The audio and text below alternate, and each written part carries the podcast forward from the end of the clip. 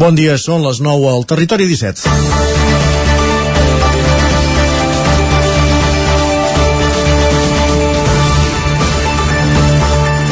Des que el govern va anunciar que consultaria la població sobre si era partidària de tirar endavant la candidatura dels Jocs Olímpics d'hivern del 2030, consulta limitada a les comarques de l'Alt Pirineu i l'Aran, no han estat poques les reaccions al Ripollès. Primer de tot pel fet de quedar-se exclosos de la votació i en segon terme perquè la presència de la comarca pirinenca terri del territori 17 al mapa dels Jocs serà pràcticament testimonial. A nivell d'infraestructures, tot el que s'ha filtrat des d'una candidatura encara hermètica és que es contempla l'R3 desdoblada fins a Vic, la qual cosa millora millora relativament les comunicacions amb el Ripollès i la Cerdanya. Poden haver-hi més trens, però el trajecte de Vic a Puigcerdà serà semblant a l'actual. També s'ha fet reaccionar la plataforma Stop Jocs Olímpics, que, va fer, que es va fer sentir diumenge tallant la carretera en plena operació retorn a l'àrea metropolitana. Però queda per saber si la representativitat real que té aquesta plataforma. Bàsicament perquè a nivell polític són poques les veus que s'han sentit, sentit contràries a aquests jocs a la comarca. Més aviat hi ha dolor per sentir-se exclosos en la línia de les paraules que sentirem d'aquí a pocs minuts per part de l'alcaldessa de Ribes. Altra cosa és si la candidatura té opcions de tirar endavant. Les males relacions amb l'Aragó, que s'ha aixecat de la taula en considerar que no és un projecte compartit al 50%, no ajuden. Segons explicava diumenge al diari Ara, Catalunya pensa en uns jocs que no impliquin haver de fer grans infraestructures al territori i per això pensa majoritàriament en equipaments ja existents i infraestructures que ja acullen competicions internacionals com les de la Molina o Baqueira, la qual cosa exclou, exclou estacions aragoneses on caldria fer inversions i en aquesta comunitat s'hi farien esports sobre gel.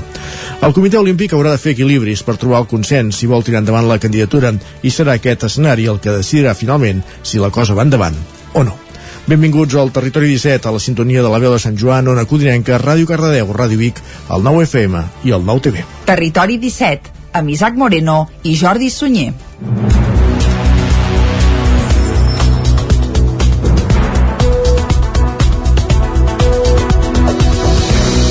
Passen, passen dos minuts de les 9 del matí d'avui dijous, dia 3 de febrer de 2022 i arrenca ara mateix un nou Territori 17 que avui, durant la primera hora, com sempre, us acostarà tota l'actualitat de les nostres comarques. A partir de les 10 hi posarem més informació, actualitzarem el butlletí informatiu i anirem cap a l'entrevista. Avui, Isaac, cap on?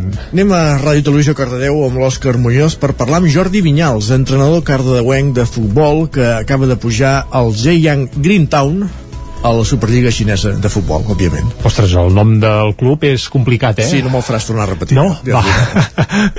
Molt bé, doncs coneixerem com va el futbol a la Xina, a l'entrevista de la mà d'un cardedeuenc. A dos quarts d'onze arribarà el moment de les piulades amb Guillem Sánchez, passarem per la taula de redacció i avui, com que és dijous, anirem a fer un tom a la plaça. L'espai setmanal de Nova Economia amb Maria López des de Ràdio Televisió Cardeu i 11.cat serà, com dèiem, pels vols de 3 quarts d'onze. Uh, després, a les 11 actualitzarem butlletí informatiu i cap a un quart de 12 avui excepcionalment tindrem el territori sostenible. Ja us ho vam explicar ahir, que vam fer un canvi amb la secció d'Alegria Interior de Jordi Soler, que ens va acompanyar ahir, i avui serà el torn de Jordi Givert, des d'una Codinenca, coneixent, coneixent una nova iniciativa al territori, de territori sostenible. I a la darrera mitja hora, com sempre, pujarem a la R3, a la Trenc d'Alba, i per acabar, avui que és dijous, anirem al cinema. Amb Joan Garcia i Gerard Foses des de la veu de Sant Joan per conèixer la cartellera, les estrenes d'aquesta setmana. I per començar, com sempre, el que fem és acostar-vos l'actualitat de casa nostra, l'actualitat de les comarques del Ripollès, Osona, el Moianès i el Vallès Oriental.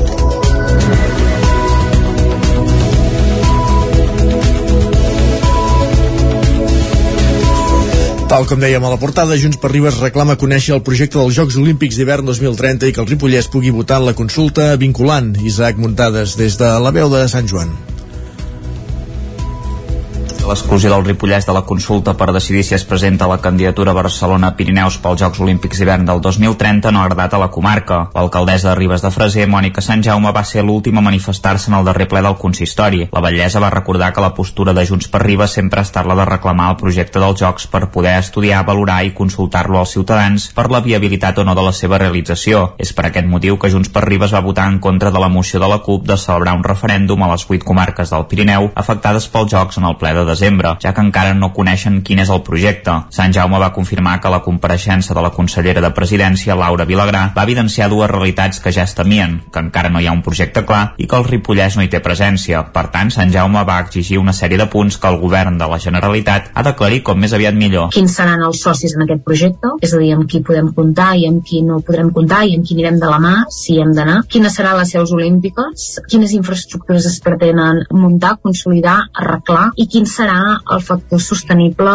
d'aquesta proposta que no és menys important que tota la resta? I per tant, quan tinguem tota aquesta informació, el que sí que exigirem és que es pugui fer una consulta sobre aquest projecte al Ripollès. L'alcaldessa també va aprofitar per mostrar el seu desacord amb el tall de la carretera C-17 a l'altura de Can Villaura a Ripoll, que es va produir diumenge passat a la tarda per part de la plataforma Stop Jocs Olímpics. Tot i considerar que la protesta estava emparada en el dret de manifestació, Sant Jaume va apuntar que va haver-hi veïns de Ribes i de la Vall que es van queixar perquè van quedar atrapats a les cues quilomètriques que es van produir. L'alcaldessa va dir que no era necessari disparar-se trets al peu. Finalment, Sant Jaume va subratllar que Ribes de Freser va ser la primera població de Catalunya que va acollir la Setmana d'Esports de Neu l'any 1911.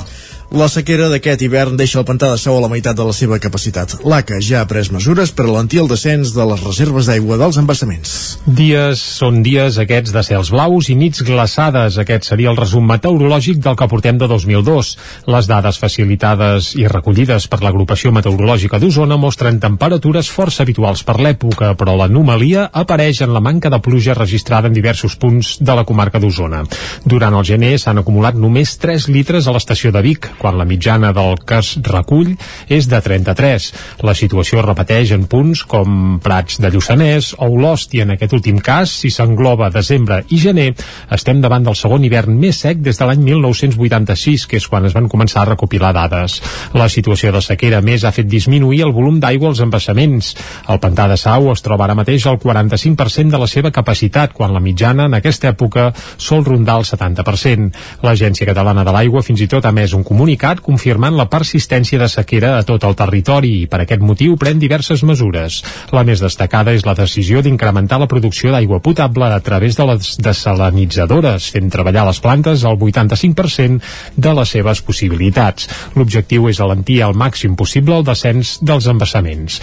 Els observadors de l'agrupació meteorològica d'Osona també fan constar una última anomalia del gener.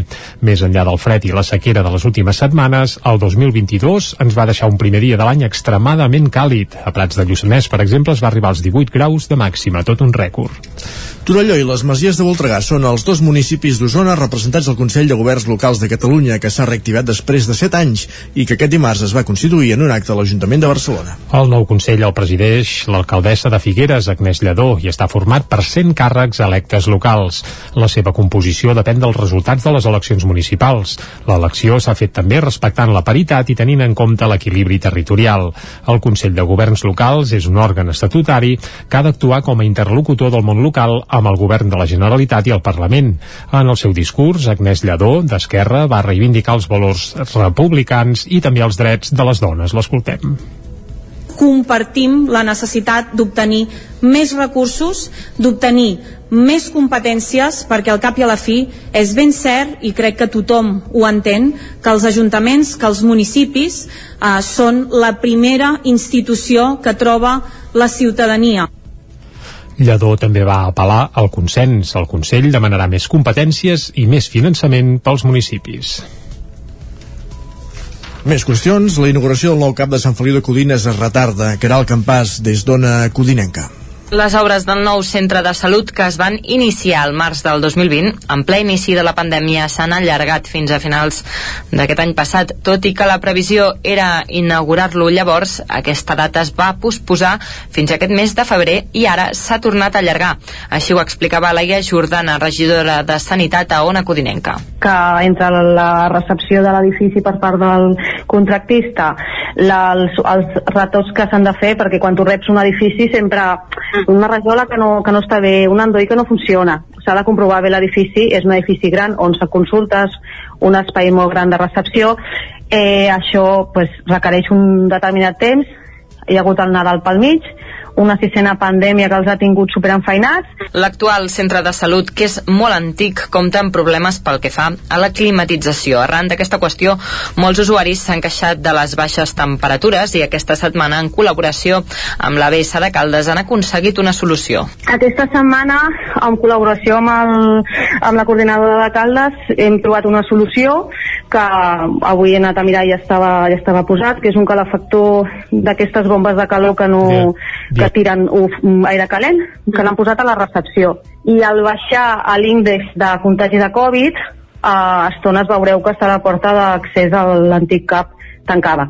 Llavors això ha fet que la temperatura del, de, de la recepció ara sigui inclús feia calor aquest matí. Des de la regidoria de Sanitat s'ha instat al Departament de Salut de la Generalitat a través de correu electrònic i al telèfon i en principi es preveu que la inauguració es faci efectiva durant el mes de març. Gràcies, Caral. Encara en l'àmbit sanitari, la Generalitat ja no farà testos d'antígens a les escoles. El Departament de Salut va anunciar ahir que quan hi hagi alumnes positius, els companys que siguin considerats contactes estrets no se'ls sotmetrà a cap prova. A partir de dilluns que ve, els testos només es mantindran pels alumnes d'educació especial i pel professorat. El cribratge retira per la millora de la situació epidemiològica i després que també s'hagi decidit suprimir les quarantenes de grup. Aquesta darrera mesura es va fer pública abans d'ahir, al costat de la reobertura de l'oci nocturn pel proper dia 11 de febrer. I precisament per això, ahir vam anar a veure un dels establiments de la comarca d'Osona que podrà tornar a l'activitat la setmana que ve, la sala de concerts La Cabra. L'últim tancament de l'oci nocturn que el govern va decretar abans de Nadal l'han aprofitat a la Cabra de Vic per fer millores a l'escenari i a la instal·lació elèctrica. Amb la reobertura del sector, divendres de la setmana que ve, la Cabra recuperarà la programació de concerts en viu. Ho detalla Xevi Huguet, que és el responsable de la sala. Justament obrim el dia d'Agua Bendita, ben a Bendita el dia 11 de febrer amb Discòrdia, que és un grup d'aquí a Sant Hipòlit. El dia 12 portem els Amics de les Arts, i a partir de llavors cada setmana concerts, sí, sí, de, amb moltes ganes, eh? Sort és que hem pogut mantenir una mica les dates, Diversiones, per exemple, no, poden, no s'allunyen molt, és a dir, al març tornen a venir, i ara sí que cada, quasi cada setmana tenim, tenim concerts, que això és el bo. Fem presentació de Sixtus, vindrà l'Ildami, vindrà Buos, bueno, vindran, vindran forces grups. Doncs se'n gira feina, Isaac. A la tornada a l'activitat de bars de nit, discoteques i sales de concerts, sense el certificat Covid, que sí que s'havia aplicat a la tardor, es va anunciar aquest dimarts, 10 dies abans, que sigui efectiva. D'aquesta manera, expliquen des de la Cabra, hi ha prou marge en el seu cas per preparar els concerts, fer-ne la publicitat i vendre'n les entrades. L'actuació de l'executiu, aquesta vegada, la veuen adequada. Les crítiques per les mesures preses anteriorment, però, també hi són. Xevi Huguet els primers que volien vigilar els usuaris que tinguessin el seva, no? que, que fos segur un espai segur de Covid eren nosaltres clar, que tot això, a un, quan ha passat tot això, tornin a tancar a cap de 3 mesos tornem a tancar però a més a més el dia abans clar, és, a més sense cap mena d'ajuda econòmica ni tan sols ens han informat ni comunicat res el dia abans que van tancar, no ens van comunicar res, ni a FECASARM, ni a cap, ni a cap mena de sindicat, ni, ni d'associació organitzada de l'oci nocturn. Per tant, evidentment exclosos, i, i bueno, jo m'atreviria a insultats no, però és molt, és molt trist és molt trist perquè d'aquí depenem molta gent que tenim fills i tenim famílies i han de menjar bàsicament això, és una feina com una altra L'oci nocturn ha estat tancat durant bona part de la pandèmia des de mitjans de març de 2020. Hi va haver algunes reobertures breus als estius de 2020 i 2021. El termini més llarg de funcionament des de l'arribada de la Covid van ser de dos mesos i mig entre l'octubre i el desembre de l'any passat. I Santa Maria de Palau Tordera lidera la instal·lació de plaques fotovoltaiques d'autoconsum al Baix Montseny. A la comarca natural, en aquesta comarca natural, hi ha 506 instal·lacions segons les últimes dades de l'Observatori d'Autoconsum a Catalunya. Núria Lázaro, des de Ràdio Televisió Cardedeu. Amb 84 instal·lacions, Santa Maria de Palau Tordera és el poble de la comarca natural amb un nombre més elevat d'aquest tipus d'energia. A tots els municipis del Baix Montseny ja es disposa d'instal·lacions. Després de Santa Maria de Palau Tordera trobem a Sant Antoni de Vilamajor amb 60 i Llenes del Vallès amb 56. Majoritàriament el gruix de les peticions per a la instal·lació són per a habitatges unifamiliars i bifamiliars, en menor mesura els edificis plurifamiliars. També les empreses i ajuntaments comencen a invertir en plaques fotovoltaiques. Per això es fomenta les instal·lacions fotovoltaiques oferint bonificacions a l'impost de béns immobles, l'impost d'activitats econòmiques i l'impost sobre construccions, instal·lacions instal·lacions i obres. Entre les comarques del Vallès Oriental i la Selva hi ha 2.406 instal·lacions de plaques fotovoltaiques, de les quals 1.735 corresponen a la comarca vallesana i 671 a la Salvatana. Un pastor de Viladrau ha estat condemnat a 15 mesos de presó per haver causat la mort de diversos animals amb esquers enverinats. El jutjat penal número 1 de Girona li imposa també una multa de 3.800 euros i la inhabilita durant 4 anys per realitzar qualsevol activitat vinculada amb els animals. Se'l considera autor d'un delicte contra la fauna i el medi ambient i un delicte continuat de maltractament animal. La sentència té l'origen en la denúncia penal que van fer els agents rurals que van investigar l'home a partir de l'avís d'un grup de caçadors després de la mort d'un dels seus gossos i que un altre malaltís amb símptomes compatibles amb una intoxicació. Els agents rurals van localitzar a la zona diversos esquers de carn impregnats amb oxamilo, una substància tòxica i molt perillosa. També hi havia els cadàvers, entre d'altres, d'una marta, un mamífer de la família dels mustèlids, i una guineu. A la granja i el vehicle de l'home, ara condemnat, hi van trobar pots del verí déu nhi arribats a aquest punt, fem una aturada i anem a conèixer la previsió meteorològica. Com dèiem, després d'aquest repàs informatiu que hem fet des de les 9 en companyia de Jordi Sunyer, Isaac Muntades, Núria Lázaro i Caral Campàs, és moment de saludar en Pep Acosta.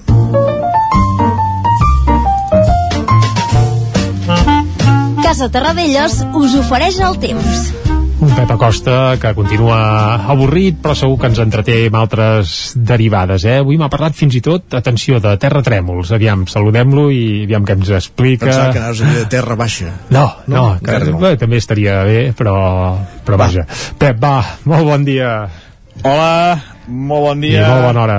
Abans de començar, Abans. Uh, un parell de, de cosetes, bueno, una coseta, no, un parell, un parell. Un parell, un parell. Anem per dues, va. Primer de tot, eh, compte amb els incendis forestals, uh mhm. -huh.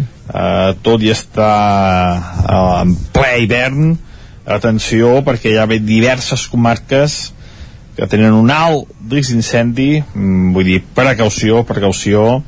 Els últims dies hem tingut bastants incendis, per tant, eh, precaució Cura. amb aquest tema, perquè I és tant. un tema molt delicat, mm -hmm i que els pròxims anys sens dubte serà un tema estrella i que tindrà enormes conseqüències a, a casa nostra, eh? per tant, molta, molta precaució.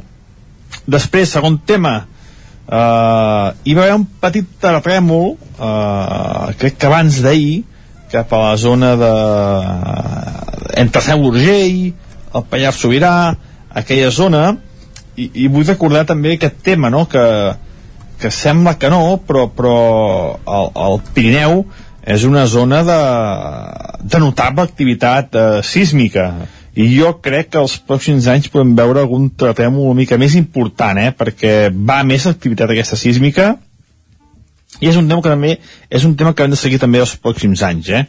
i veurem, veurem què acaba passant poder, no, no, no, no un terratrèmol eh, devastador ni molt menys però sí que hi pot haver un tractament una mica més fort del que estem habituats i, ho hem d'anar seguint perquè és, és com si estigués més inestable aquesta placa tectònica que tenim aquí ben a prop nostre. Uh, fets aquests punts, uh, hem de destacar el desgavell enorme de temperatures que estem tenint. Ahir es va batre un rècord a Sant Pau de Segúries, que van superar els 21 graus en un mes de febrer de màxima, uh, una autèntica animalada, i aquesta nit eh, si ho és bauxa total. Eh, i torna a haver com un matalàs d'aire calent entre els 700 i 1.000 metres. Eh, temperatures mínimes superiors als 10 graus cap a Molló, cap al Tagamanent també cap a la zona del Montnegre eh, les temperatures extraordinàriament altes en aquestes cotes. Eh, ha glaçat a les parts més fondes com per exemple la Plana de Vic, a les zones pròximes allà de classe, però per sobre dels 700 metres hi ha un autèntic mataràs, matalàs perdó, d'aire calent. Continuem amb aquesta dinàmica d'anticicló, eh, de molt de sol i de molt poques novetats, tot i que demà en diré alguna perquè passa un petit front entre divendres i dissabte. Veurem quines conseqüències acaba tenint, però per fi es trenca una mica aquesta dinàmica, tot i que plouran quatre gotes, ja aviso, eh? plouran quatre gotes, però almenys es, es trenca aquesta dinàmica tan i tan negativa que estem tenint des de principis d'any. Avui no, eh? Avui serà un dia eh, amb molt de sol, molt anticiclònic i novament les màximes la majoria entre els 17, 18, 19, 20 graus i fins i tot alguna població superem els 20 graus a migdia un ambient eh, força agradable, força suau fins i tot una mica càlid en algunes zones i això és tot, a disfrutar del dia d'avui eh, un dia anticiclònic novament eh, sense gairebé cap novetat i se continuem amb aquest panorama tan i tan pla, meteorològicament parlant, uh -huh. i tan i tan estable. Adéu, bon dia. Bon dia, Pep. Que vagi molt bé, Pep. Exacte. Em deixes fer un apunt, ja que estem en l'àmbit meteorològic? Bàsicament, eh, un apunt que feia ahir al seu Facebook, Meteo, eh, Lluís Solanes, de Meteo Guilleries, que explicava que el punt més fred de la comarca d'Osona, i això veient a les dades de recollides a gener, és a Sadurní d'Usur Mort. Sí, ho havíem dit alguna vegada, crec, eh? Sí, sí. Concretament, l'estació de Meteo Guilleries és darrere mm. l'Ajuntament, va registrar, ha registrat una mitjana de 8 graus negatius, de mínimes, d'aquest mes de gener, i amb un rècord absolut d'11 graus i mig sota zero. Fantàstic, doncs si Poca- volem poca estar eh? fresquets ja sabem cap on hem d'anar. cap a Sant Sadurní d'Usur Mort. Però ara no anirem a Sant No, Sadurní anirem perquè, a clar, és que no hi ha quioscos a Sant Sadurní, eh? No, ni de fet, n'hi ha, Sant papereries, Sadurní, ni, a molts, ni... ni a molts altres llocs, de fet, Sí, cada dia menys. exacte. Cada dia n'hi ha menys. Va, però aquí a Territori 17 sí que en tenim un i de seguida ens hi capbussem. Som-hi. Casa Tarradellas us ha ofert aquest espai. Anem a saber què diuen avui els diaris.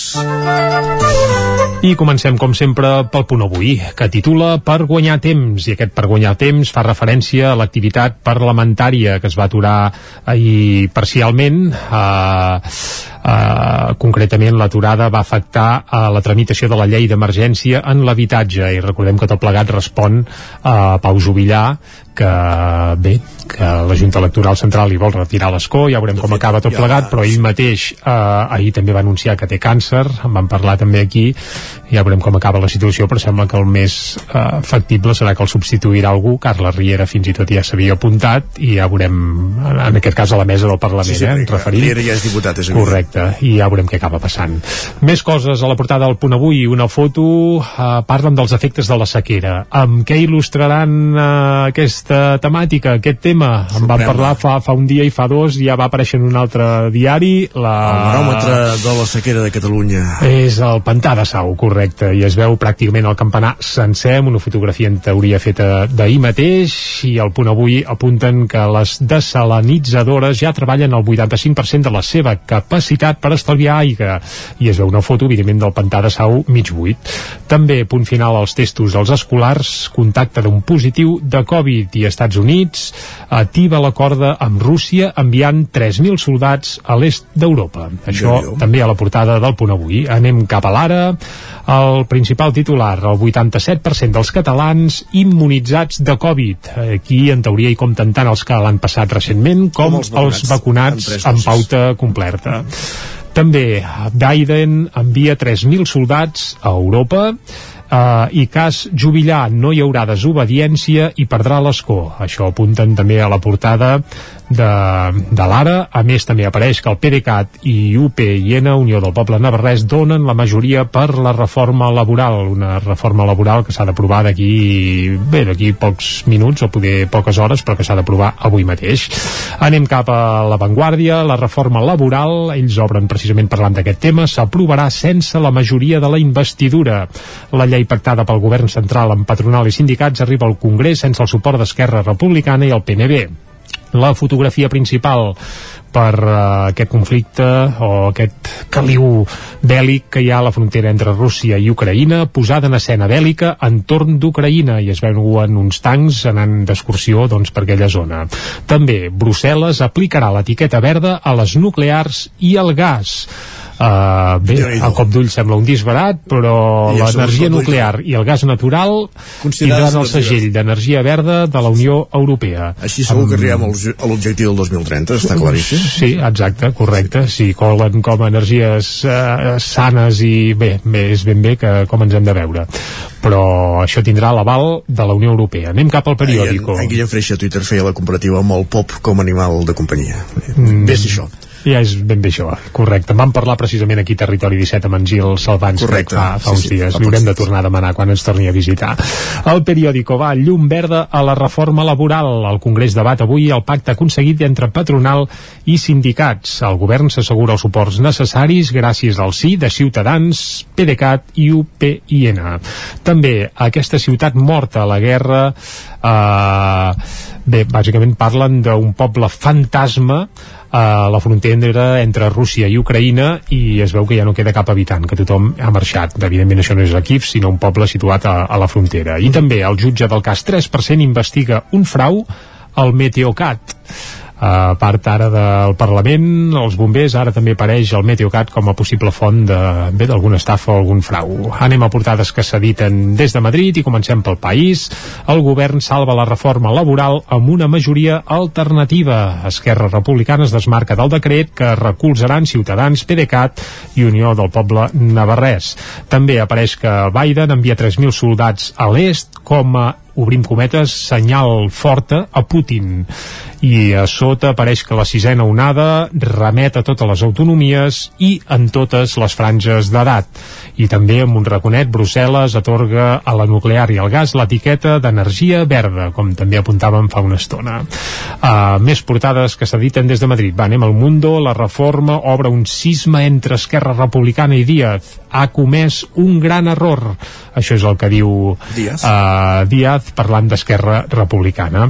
També les comunitats autònomes del PSOE s'emporten el 81% dels fons europeus per inclusió. Això segons uh, El Mundo. I també apareix el tema aquest del gas i l'energia verda. Brussel·les converteix en verda el gas i la nuclear, tot i la crítica interna. Això a la portada del Mundo. Anem a la Razón i titular principal per Yolanda Díaz que diuen fa un cop de timó i donarà la batalla a Esquerra Republicana per la reforma laboral.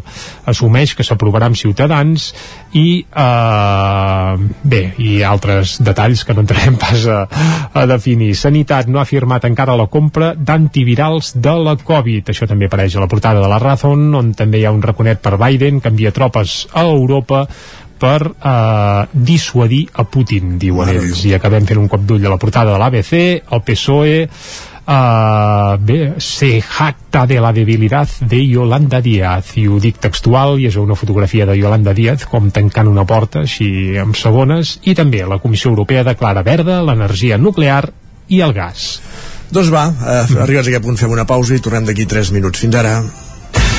El nou FM, la ràdio de casa, al 92.8. Coberta serveis funeraris. Els nostres tanatoris estan ubicats en els nuclis urbans més poblats de la comarca d'Osona per oferir un millor servei. Tanatori de Vic, Tanatori de Manlleu, Tanatori de Centelles i Tanatori de Roda de Ter. Sabem que són moments difícils i per això el nostre compromís és atendre-us en tot moment amb un tracte humà, sensible i respectuós. Coberta serveis funeraris. Telèfon 24 hores 93 883 23 46. Cefosol, centre de formació de soldadura GURB. Som especialistes en processos de soldadura. Disposem d'instal·lacions totalment equipades per classes de teòrica i pràctica amb cabines individuals i equipaments de seguretat. Assessorem empreses i oferim cursos subvencionats i bonificats.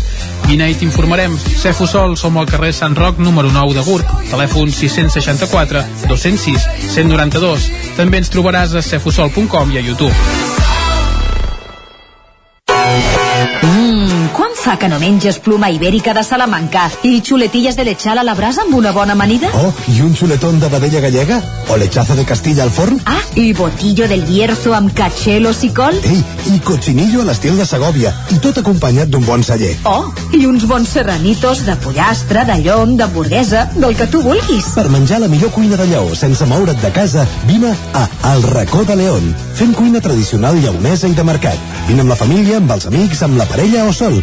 T'encantarà.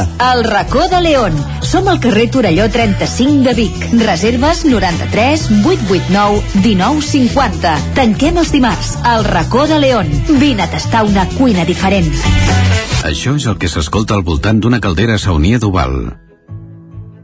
Tranquil·litat i benestar, perquè gaudeix del millor manteniment del servei tècnic oficial per estar despreocupat.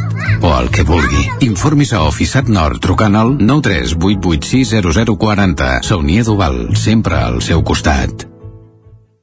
Anuncia't al 9FM. La màquina de casa. 9 3 8 8 9 4 9 4 9. Publicitat arroba al 9FM.cat. Anuncia't al 9FM. La publicitat més eficaç. El 9FM, el 9FM, el 9FM, el 9FM, el 9FM.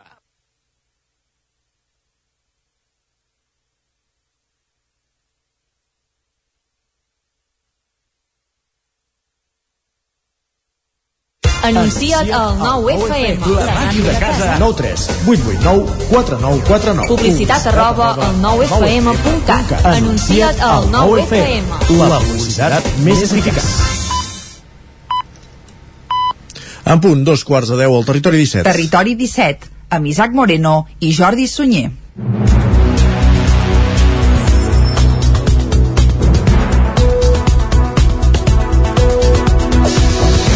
Doncs a dos quarts de deu en punt, seguim en directe aquí a Territori 17 i tot seguit us acostarem de nou tota l'actualitat de casa nostra, però abans us avancem una mica el que tenim preparat ja fins al pic de les 12 del migdia. Abans de les 10, com cada dia, hi posarem una mica de música, avui des del Vallès. Ah, sí? Sí, uh, va, un grup que jo no sabia que era ballesà, però vaig descobrir que ho era dilluns passat, arran de, bé, precisament mirant el 9-9 del Vallès Oriental. Són els Chaqueta de Chandal. Són boníssims, són un tro i després explicarem quatre coses més d'ells i escoltarem una de les peces del seu nou disc. Són, uh, tenen la base d'operacions a Lliçà damunt. Perfecte. Doncs... Molt bé, dit això, va, a les 10 actualitzarem butlletí informatiu i a l'entrevista avui anirem, entre cometes, cap a la Xina, oi, Isaac? Sí, de fet anirem a Cardedeu, eh, que és d'on és i on aquests dies hi ha Jordi Vinyals, un històric del futbol català i espanyol, una trajectòria en molts equips.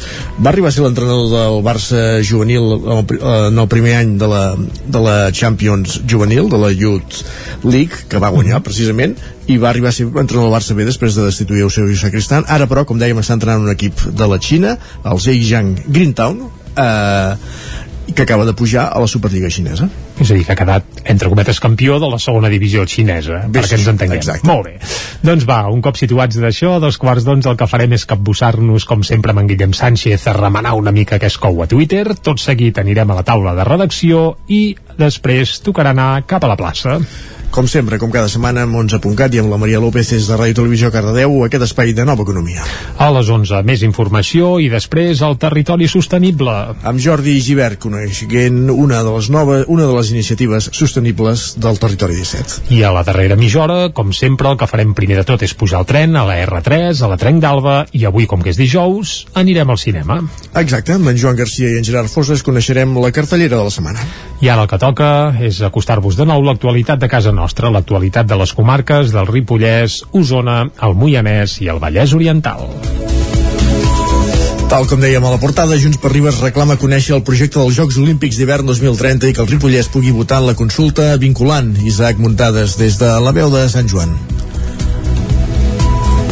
L'exclusió del Ripollès de la consulta per decidir si es presenta la candidatura Barcelona-Pirineus pels Jocs Olímpics d'hivern del 2030 no ha agradat a la comarca. L'alcaldessa de Ribes de Freser, Mònica Sant Jaume, va ser l'última a manifestar-se en el darrer ple del consistori. La batllessa va recordar que la postura de Junts per Ribes sempre ha estat la de reclamar el projecte dels Jocs per poder estudiar, valorar i consultar-lo als ciutadans per la viabilitat o no de la seva realització. És per aquest motiu que Junts per Ribes va votar en contra de la moció de la CUP de celebrar un referèndum a les vuit comarques del Pirineu afectades pels Jocs en el ple de desembre, ja que encara no coneixen quin és el projecte. Sant Jaume va confirmar que la compareixença de la consellera de Presidència, Laura Vilagrà, va evidenciar dues realitats que ja es temien, que encara no hi ha un projecte clar i que el Ripollès no hi té presència. Per tant, Sant Jaume va exigir una sèrie de punts que el govern de la Generalitat ha d'aclarir com més aviat millor. Quins seran els socis en aquest projecte? És a dir, amb qui podem comptar i amb qui no podrem comptar i amb qui anirem de la mà, si hem d'anar. Quines seran les seus olímpiques? Quines infraestructures es pretenen muntar, consolidar, arreglar? I quins serà el factor sostenible d'aquesta proposta, que no és menys important que tota la resta. I per tant, quan tinguem tota aquesta informació, el que sí que exigirem és que es pugui fer una consulta sobre aquest projecte al Ripollès. L'alcaldessa també va aprofitar per mostrar el seu desacord amb el tall de la carretera C-17 a l'altura de Can Villaura a Ripoll, que es va produir diumenge passat a la tarda per part de la plataforma Stop Jocs Olímpics. Tot i considerar que la protesta estava emparada en el dret de manifestació, Sant Jaume va apuntar que va haver-hi veïns de Ribes i de la Vall que es van queixar perquè van quedar atrapats a les cues quilomètriques que es van produir. L'alcaldessa va dir que no era necessari disparar-se trets al peu. Finalment, Sant Jaume va subratllar que Ribes de Freser va ser la primera població de Catalunya que va acollir la Setmana d'Esports de Neu l'any 1911. La sequera d'aquest hivern deixa el pantà de Sau a la meitat de la seva capacitat. L'ACA ja ha pres mesures per alentir el descens de les reserves d'aigua dels embassaments. Dies són dies aquests de cels blaus i nits glaçades. Aquest seria el resum meteorològic del que portem de 2002. Les dades facilitades i recollides per l'agrupació meteorològica d'Osona mostren temperatures força habituals per l'època, però l'anomalia apareix en la manca de pluja registrada en diversos punts de la comarca d'Osona. Durant el gener s'han acumulat només 3 litres a l'estació de Vic, quan la mitjana del que es recull és de 33.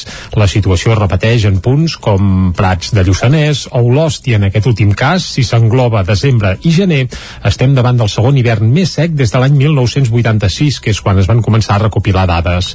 La situació de sequera més ha fet disminuir el volum d'aigua als embassaments. El pantà de Sau es troba ara mateix al 45% de la seva capacitat, quan la mitjana en aquesta època sol rondar el 70%. L'Agència Catalana de l'Aigua fins i tot ha més un comunicat confirmant la persistència de sequera a tot el territori i per aquest motiu pren diverses mesures. La més destacada és la decisió d'incrementar la producció d'aigua potable a través de les desalinitzadores, fent treballar les plantes al 85% de les seves possibilitats. L'objectiu és alentir al màxim possible el descens dels embassaments. Els observadors de l'agrupació meteorològica d'Osona també fan constar una última anomalia del gener.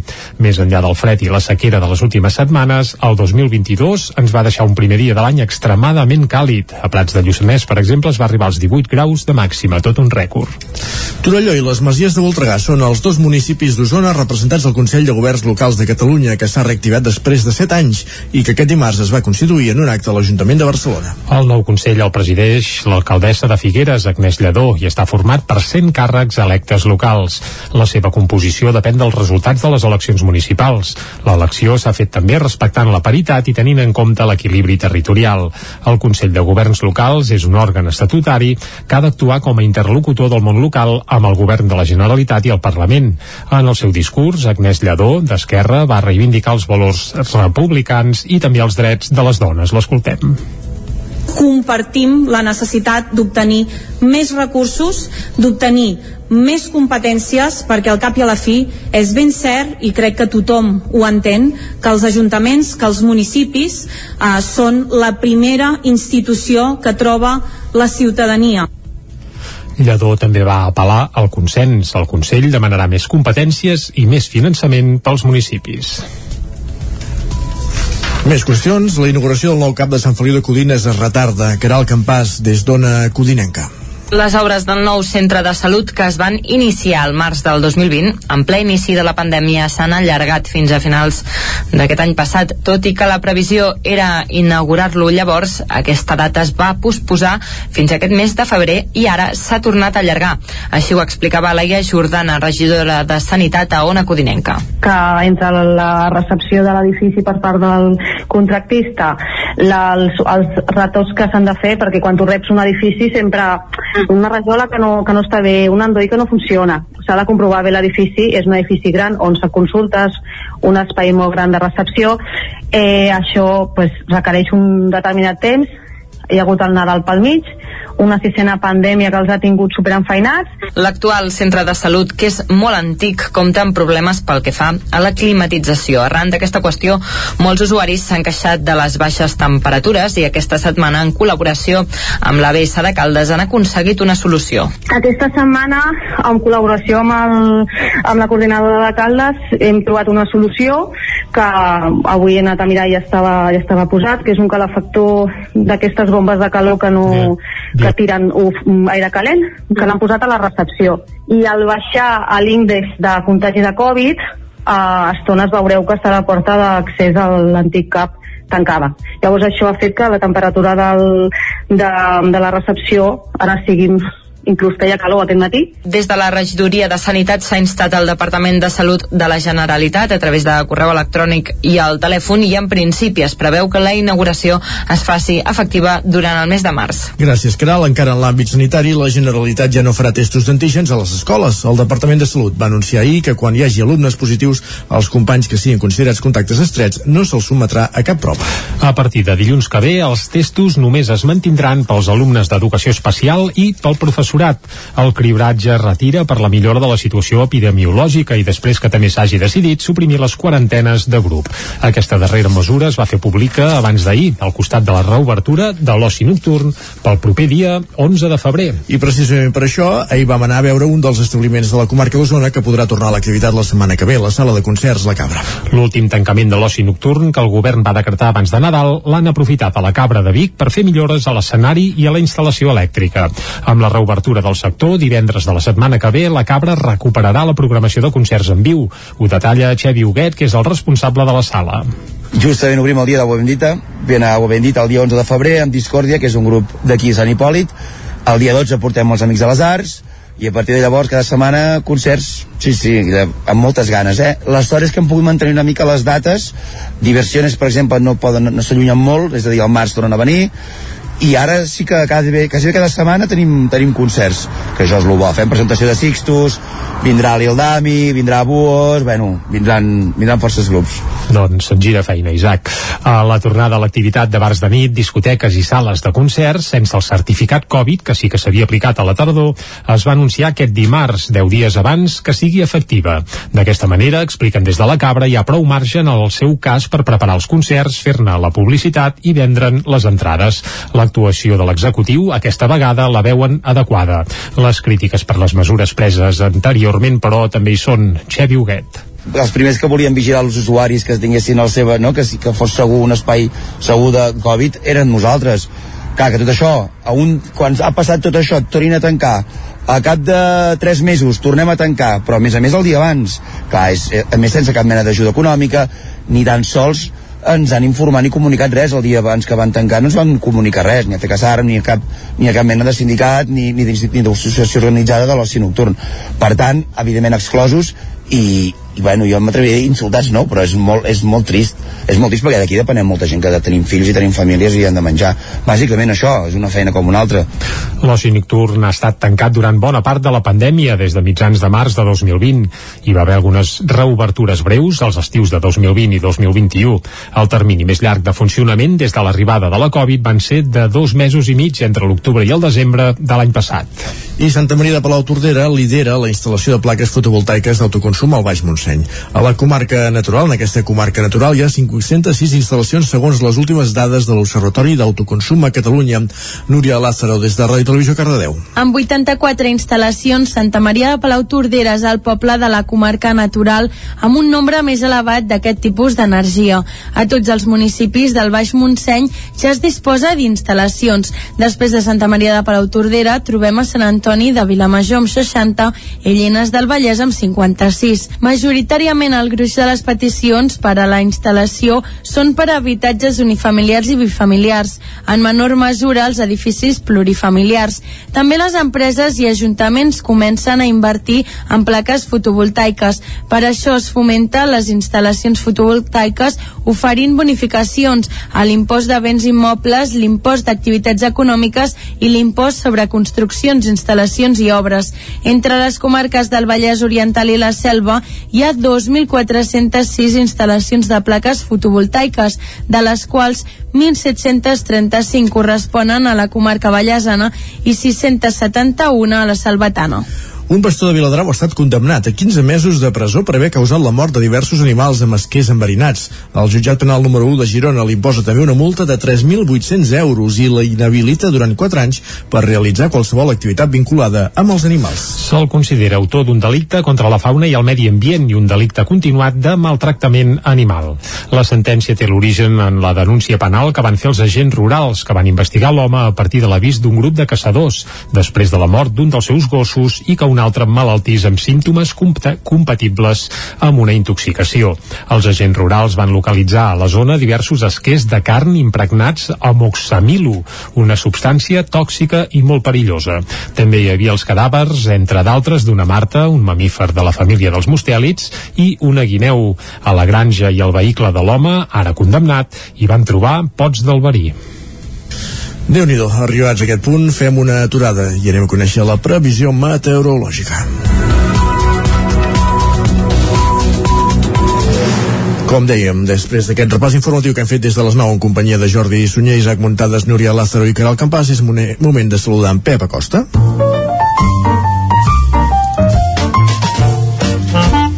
Casa Terradellos us ofereix el temps. Un Pep Acosta que continua avorrit, però segur que ens entreté amb altres derivades, eh? Avui m'ha parlat fins i tot, atenció, de terratrèmols. Aviam, saludem-lo i aviam què ens explica. Pensava que anaves a de terra baixa. No, no, no que, bé, també estaria bé, però, però va. vaja. Pep, va, molt bon dia. Hola, molt bon dia. I molt bona hora. Abans de començar, Abans. Uh, un parell de, de cosetes, bueno, una coseta, no, un parell, un parell, un parell, un parell. Anem per dues, va. Primer de tot, eh, compte amb els incendis forestals, uh -huh. eh, tot i està eh, en ple hivern, atenció, perquè hi ha diverses comarques que tenen un alt risc d'incendi, mm, vull dir, precaució, precaució, els últims dies hem tingut bastants incendis, per tant, eh, precaució Cura. amb aquest tema, mm -hmm. perquè és un tema molt delicat, mm -hmm i que els pròxims anys sens dubte serà un tema estrella i que tindrà enormes conseqüències a, a casa nostra, eh? per tant, molta, molta precaució. Després, segon tema, eh, hi va haver un petit terratrèmol, eh, crec que abans d'ahir, cap a la zona de entre Seu Urgell, el Pallars Sobirà, aquella zona, i, i vull recordar també aquest tema, no?, que que sembla que no, però, però el, el Pirineu és una zona de, de notable activitat eh, sísmica i jo crec que els pròxims anys podem veure algun terratrèmol una mica més important, eh? perquè va més activitat aquesta sísmica i és un tema que també és un tema que hem de seguir també els pròxims anys eh? i veurem, veurem què acaba passant poder, no, no, no, no un terratrèmol eh, devastador ni molt menys però sí que hi pot haver un tractament una mica més fort del que estem habituats i, i haurem d'anar seguint perquè és, és com si estigués més inestable aquesta placa tectònica que tenim aquí ben a prop nostre. Uh, fets aquests punts, uh, hem de destacar el desgavell enorme de temperatures que estem tenint. Ahir es va batre un rècord a Sant Pau de Segúries, que van superar els 21 graus en un mes de febrer de màxima, uh, una autèntica animalada, i aquesta nit eh, ha sigut una bauxa total. Eh, i torna a haver com un matalàs d'aire calent entre els 700 i 1.000 metres. Eh, temperatures mínimes superiors als 10 graus cap a Molló, cap al Tagamanent també cap a la zona del Montnegre eh, les temperatures extraordinàriament altes en aquestes cotes. Eh, ha glaçat a les parts més fondes com per exemple la plana de Vic, a les zones pròximes allà de classe, però per sobre dels 700 metres hi ha un autèntic mataràs, matalàs perdó, d'aire calent. Continuem amb aquesta dinàmica d'anticicló, eh, de molt de sol i de molt poques novetats, tot i que demà en diré alguna perquè passa un petit front entre divendres i dissabte. Veurem quines conseqüències acaba tenint, però per fi es trenca una mica aquesta dinàmica, tot i que plouran quatre gotes, ja aviso, eh? plouran quatre gotes, però almenys es, es trenca aquesta dinàmica tan i tan negativa que estem tenint des de principis d'any. Avui no, eh? Avui serà un dia eh, amb molt de sol, molt anticiclònic, i novament les màximes, la majoria entre els 17, 18, 19, 20 graus, i fins i tot alguna població superem els 20 graus a migdia, un ambient eh, força agradable, força suau, fins i tot una mica càlid en algunes zones. I això és tot, a disfrutar del dia d'avui, uh, un dia anticiclònic novament uh, sense gairebé cap novetat i se continua amb aquest panorama uh, tan i tan pla, meteorològicament parlant uh mhm. -huh. i tan i tan estable Adéu, bon dia. Bon dia, Pep. Que vagi molt bé, Pep. Exacte. Em deixes fer un apunt, ja que estem en l'àmbit meteorològic? Bàsicament, eh, un apunt que feia ahir al seu Facebook, Meteo, eh, Lluís Solanes, de Meteo Guilleries, que explicava que el punt més fred de la comarca d'Osona, i això veient a les dades de recollides a gener, és a Sant Sadurní d'Usurmort. Sí, ho havíem dit alguna vegada, crec, eh? Sí, sí. Concretament, l'estació de Meteo Guilleries és darrere l'Ajuntament, va registrar, ha registrat una mitjana de 8 graus negatius, de mínimes, aquest mes de gener, i amb un rècord absolut d'11 graus i mig sota zero. Fantàstic, doncs si Poca- volem poca estar eh? fresquets ja sabem cap on hem d'anar. cap a Sant Sadurní d'Usurmort. Però ara no anirem a Sant No, Sadurní anirem perquè, clar, és que no hi ha quioscos a Sant Sadurní, eh? No, ni de fet, ni a, papereries, Sadurní, ni, a molts, ni a molts altres llocs, de fet, Sí, cada dia menys. exacte. Cada dia n'hi ha menys. Va, però aquí a Territori 17 sí que en tenim un i de seguida ens hi capbussem. Som-hi. Casa Tarradellas us ha ofert aquest espai. Anem a saber què diuen avui els diaris. I comencem, com sempre, pel punt avui, que titula Per guanyar temps, i aquest per guanyar temps fa referència a l'activitat parlamentària que es va aturar ahir parcialment. Uh, uh, concretament, l'aturada va afectar a la tramitació de la llei d'emergència en l'habitatge, i recordem que tot plegat respon a Pau Jubillar, que bé, que la Junta Electoral Central li vol retirar l'escó, ja veurem com acaba tot plegat, però ell mateix eh, ahir també va anunciar que té càncer, en vam parlar també aquí, ja veurem com acaba la situació, però sembla que el més eh, factible serà que el substituirà algú, Carla Riera fins i tot ja s'havia apuntat, i ja veurem, en en aquest cas a la mesa del Parlament, Sí, sí, eh, referit. Riera ja és diputat, és. Correcte, i ja veurem què acaba passant. Més coses a la portada del punt avui, una foto, eh, parlen dels efectes de la sequera. Amb què il·lustraran eh, aquesta temàtica, aquest tema? En van parlar fa, fa un dia i fa dos, ja va aparèixer en un altre diari. La... El baròmetre de la sequera de Catalunya. És el pantà de Sau, correcte, i es veu pràcticament el campanar sencer, amb una fotografia en teoria feta d'ahir mateix, i al punt avui apunten que les desalinitzadores ja treballen el 85% de la seva capacitat per estalviar aigua, i es veu una foto, evidentment, del pantà de Sau mig buit. També, punt final als testos als escolars, contacte d'un positiu de Covid i Estats Units ativa la corda amb Rússia enviant 3.000 soldats a l'est d'Europa. Això també a la portada del punt avui. Anem cap a l'ara. El principal titular, el 87% dels catalans immunitzats de Covid. Aquí, en teoria, hi compten tant els que l'han passat recentment com, Com els els vacunats amb pauta completa. També, Biden envia 3.000 soldats a Europa eh, i cas Jubillar no hi haurà desobediència i perdrà l'escó. Això apunten també a la portada de, de l'Ara. A més, també apareix que el PDeCAT i UPyN, Unió del Poble Navarrès, donen la majoria per la reforma laboral, una reforma laboral que s'ha d'aprovar d'aquí bé, d'aquí pocs minuts o poder poques hores, però que s'ha d'aprovar avui mateix. Anem cap a l'avantguàrdia, la reforma laboral, ells obren precisament parlant d'aquest tema, s'aprovarà sense la majoria de la investidura. La llei pactada pel govern central amb patronal i sindicats arriba al Congrés sense el suport d'Esquerra Republicana i el PNB la fotografia principal per uh, aquest conflicte o aquest caliu bèl·lic que hi ha a la frontera entre Rússia i Ucraïna, posada en escena bèl·lica entorn d'Ucraïna i es veuen uns tancs anant d'excursió doncs, per aquella zona. També Brussel·les aplicarà l'etiqueta verda a les nuclears i al gas. Uh, bé, al cop d'ull sembla un disbarat, però ja l'energia nuclear i el gas natural tindran el segell d'energia verda de la Unió Europea. Així segur que arribem al- a l'objectiu del 2030, està claríssim. Sí, exacte, correcte. Si colen com a energies eh, sanes i bé, bé, és ben bé que com ens hem de veure. Però això tindrà l'aval de la Unió Europea. Anem cap al periòdico. En Guillem Freixa Twitter feia la comparativa amb el pop com animal de companyia. Mm. Ves això. Ja és ben bé això, correcte. Vam parlar precisament aquí Territori 17 amb en Gil Salvans Correcte. fa, fa Sí, uns sí, dies. fa Li haurem de tornar a demanar quan ens torni a visitar.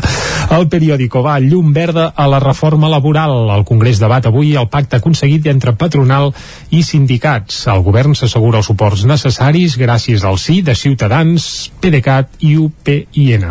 També aquesta ciutat morta a la guerra eh, bé, bàsicament parlen d'un poble fantasma a la frontera entre Rússia i Ucraïna i es veu que ja no queda cap habitant, que tothom ha marxat. Evidentment això no és Kiev, sinó un poble situat a, a la frontera. I també el jutge del cas 3% investiga un frau el Meteocat a part ara del Parlament, els bombers, ara també apareix el Meteocat com a possible font de, bé, d'alguna estafa o algun frau. Anem a portades que s'editen des de Madrid i comencem pel país. El govern salva la reforma laboral amb una majoria alternativa. Esquerra Republicana es desmarca del decret que recolzaran Ciutadans, PDeCAT i Unió del Poble Navarrès. També apareix que Biden envia 3.000 soldats a l'est com a obrim cometes, senyal forta a Putin. I a sota apareix que la sisena onada remet a totes les autonomies i en totes les franges d'edat. I també amb un raconet, Brussel·les atorga a la nuclear i al gas l'etiqueta d'energia verda, com també apuntàvem fa una estona. Uh, més portades que s'editen des de Madrid. Va, anem al Mundo, la reforma obre un cisma entre Esquerra Republicana i Díaz. Ha comès un gran error. Això és el que diu Díaz. Uh, Díaz parlant d'Esquerra Republicana. També les comunitats autònomes del PSOE s'emporten el 81% dels fons europeus per inclusió. Això segons uh, El Mundo. I també apareix el tema aquest del gas i l'energia verda. Brussel·les converteix en verda el gas i la nuclear, tot i la crítica interna. Això a la portada del Mundo. Anem a la Razón i titular principal per Yolanda Díaz que diuen fa un cop de timó i donarà la batalla a Esquerra Republicana per la reforma laboral. Assumeix que s'aprovarà amb Ciutadans i eh, bé, i altres detalls que no entrarem pas a, a definir. Sanitat no ha firmat encara la compra d'antivirals de la Covid. Això també apareix a la portada de la Razón, on també hi ha un raconet per Biden que envia tropes a Europa per eh, dissuadir a Putin, diuen ells. I acabem fent un cop d'ull a la portada de l'ABC, el PSOE eh, bé, se jacta de la debilitat de Yolanda Díaz. I ho dic textual i és una fotografia de Yolanda Díaz com tancant una porta així en segones. I també la Comissió Europea declara verda l'energia nuclear i el gas. És el que té, com que no es veu el gas, mm -hmm. és, és verd, és, no, no, no fa mal, és, no és nociu. No, no, i el nuclear ja no Ja ho no diguem, parlem, i sí, tampoc hi ha cap historial de desastres, No. ni accidents, ni passa mai res. No, no, és sense ficció tot plegat. Uh, bé, uh, si podem anem fent la transició energètica mica en mica, de poble en poble i fem-ho bé, perquè si ens hem de fiar de, dels grans després podem tenir sotracs i atzagaiades però això serien figues d'un altre paner anem a posar-hi música, Isaac som -hi. va, i hem avançat abans que avui parlarem d'un grup amb un nom ben curiós, es diuen Chaqueta de Chandal Carai. Uh, sí, amb aquest nom dius, va, què s'amaga aquí al darrere? Doncs bé, s'hi amaga un trio, un trio format per la Natàlia Brovedani, que toca la guitarra i canta, l'Alfonso Méndez, que és bateria, i el Guillem Caballero, que toca els teclats, percussions i una mica ho fa una mica tot. Uh, són, un grup així de punk rock uh, una mica esparracat, amb pinzellades també poperes, i uh, el que destaca sobretot d'aquesta banda són les lletres. Jo els vaig descobrir fa un parell d'anys amb un primer disc que era un tro fantàstic, i ara Sí. fa quatre dies han tret el seu segon disc que es diu Futuro tu antes molaves i dius, ostres, amb aquest títol deu ser una espècie de compendi de, bé, de negativitat de, de on anirem a parar de missatges desesperats i sí, home, una mica és això, però amb un punt d'ironia i un punt enfoteta que la veritat és que és divertidíssim i per això avui els acostem aquí. A més, tenen la seu, jo pensava que eren de Barcelona i resulta que no, són de Lliçà d'Amunt, ja ho hem dit abans, Està una i això, amunt, sí. sí, està una mica més amunt, per tant són del territori 17 al 100%, i això ho vam descobrir fent un cop d'ull al 9-9 del Vallès Oriental de la setmana passada, de dilluns, volem dir, perquè els hi feien una entrevista fantàstica on explicaven una mica de quin peu calcen i sobretot d'on treuen aquestes lletres tan esmolades i tan punyents i alhora també divertides. Jo crec que el tema lletrístic és segurament el més destacat de Chaqueta de Chandal, perquè és que no tenen pèrdua. Per tant, si podeu, afileu bé l'orella i escoltarem ara el primer single d'aquest se- seu darrer disc. Recordem-ho, el disc es diu Futuro, tu antes molabas. I la primera cançó que n'han donat a conèixer és Vademecum. I amb Vademecum arribarem fins al punt de les 10 aquí a Territori 17. Li fotem? Som-hi. Va, vinga. Nos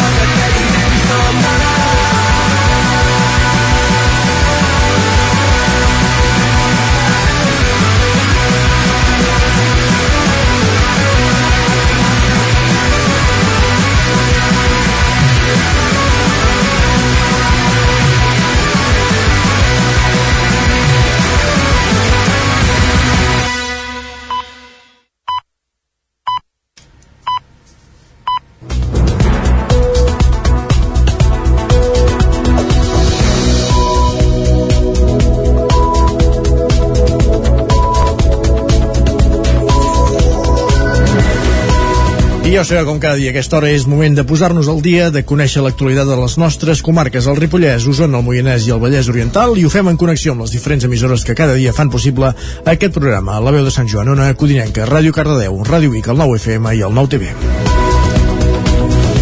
Els bombers apaguen un petit incendi amb dos focus a la muntanya de Sant Antoni de Ripoll. Isaac Muntades, des de la veu de Sant Joan. Aquest dimecres a la tarda va haver-hi un petit incendi a la muntanya de Sant Antoni de Ripoll, al costat de la zona de Caganell i per sobre de la C26 al seu pas pel mig de la població abans d'entrar al carrer Progrés. El foc tenia dos focus diferenciats, que segons va explicar el president del Consell Comarcal, Joaquim Colomer, estaven separats un de l'altre per només 500 metres i que no sabia com s'havien produït. Es va donar l'avís de l'incendi quan no passaven ni 5 minuts de les 6 de la tarda. Fins al lloc dels dels fets s'hi van desplaçar cinc dotacions dels bombers de la Generalitat de Catalunya per controlar els dos focs. Un dels focus el van tenir sota control ben aviat, però l'altre els hi va portar més feina. Sortosament, l'incendi només va cremar vegetació i no va provocar danys personals ni materials. Fins a la muntanya de Sant Antoni també s'hi van desplaçar agents de la policia local de Ripoll i voluntaris de protecció civil. Gràcies, Isaac. Més qüestions. Garcia és el cognom més freqüent a Osona i al Ripollès. Segons les últimes dades de l'IDESCAT, el segueixen López, Martínez, Vila i Pérez. Garcia és el primer i el segon cognom més freqüent a Osona i al Ripollès. Així es desprèn de les dades del Registre de Població de Catalunya de l'any 2020 que recull l'Institut d'Estadística de Catalunya, l'IDESCAT. Garcia és líder indiscutible a les dues comarques, però també al conjunt de Catalunya i a l'estat espanyol.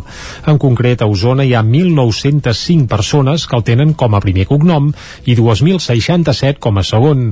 El segueixen López, Vila, Martínez i Sánchez, perquè configuren el rànquing dels cinc cognoms més freqüents. Per altra banda, al Ripollès hi ha 381 persones que tenen com a primer cognom Garcia i 411 com a segon. En aquest cas el segueixen Martínez, Pérez, López i Fernández. Segons dades de l'IDESCAT, a Catalunya hi ha 169.620 persones que el tenen com a primer cognom i 174.123 com a segon. La comarca amb el percentatge més elevat de Garcies és el Vallès Occidental, amb el 26,8% del conjunt de la comarca, mentre que el Ripollès representa el 15,1% i a Osona l'11,9%. Segons l'Institut d'Història i Heràldica Familiar, el cognom Garcia és d'origen patronímic, és a dir, anteriorment Garcia era un nom propi i amb el pas dels anys s'ha convertit en un dels cognoms més difosos a l'Estat i també a Amèrica. Es té constància del cognom des que van aparèixer els primers textos de les llengües romàntiques i prové del basc cartzea, que significa os. Uh, a la primera regió on es va documentar va ser precisament el regne de Navarra entre els anys 789 i 791. Èxit a l'última jornada de donació de sang a Sant Feliu de Codines. Ens van aconseguir 90 donants, el millor resultat que han obtingut en els darrers dos anys. Caral Campàs, des d'Ona Codinenca. Aquest dilluns 90 codinencs, 20 dels quals eren donants nous, es van acostar a donar sang al punt que es va instal·lar al centre cívic de Sant Feliu de Codines. S'hi havia d'acudir amb cita prèvia i mantenint totes les mesures de seguretat sanitàries. Laia Jordana, regidora de Sanitat, en feia aquest balanç. Amb, amb Mires um, no, he fet, no hem fet el rècord, evidentment, perquè amb el CEDAC anteriors uh, ocasions havíem fet més de 100, 100 donacions de sang, però bueno, que és la, la millor, el millor resultat en dos anys. Aquesta jornada es va organitzar des del Banc de Sang i Teixits i l'Ajuntament de Sant Feliu, juntament amb la col·laboració dels alumnes de tercer d'ESO de l'Escola FEDAC Sant Feliu. El Banc de Sang és el responsable de subministrar sang i hemoderivats als més de 110 centres sanitaris públics i privats de Catalunya. A més, vetlla per mantenir uns estocs estables durant tot l'any. La Generalitat ja no farà testos d'antígens a les escoles. El Departament de Salut va anunciar ahir que quan hi hagi alumnes positius, els companys que siguin considerats contactes estrets no se'ls sotmetrà a cap prova. A partir de dilluns que ve, els testos només es mantindran per als alumnes d'educació especial i pel professorat. El cribratge es retira per millorar la situació epidemiològica i després que també s'hagi decidit suprimir totes les quarantenes de grup. Aquesta darrera mesura es va fer pública abans d'ahir, al costat de la reobertura de l'oci nocturn pel proper divendres dia 11 de febrer i en, precisament per això hi va haver un dels establiments de la comarca d'Osona que podrà tornar a l'activitat la setmana que ve, la sala de concerts La Cabra. L'últim tancament de l'oci nocturn que el govern va decretar abans de Nadal l'han aprofitat a la Cabra de Vic per fer millores a l'escenari i a la instal·lació elèctrica.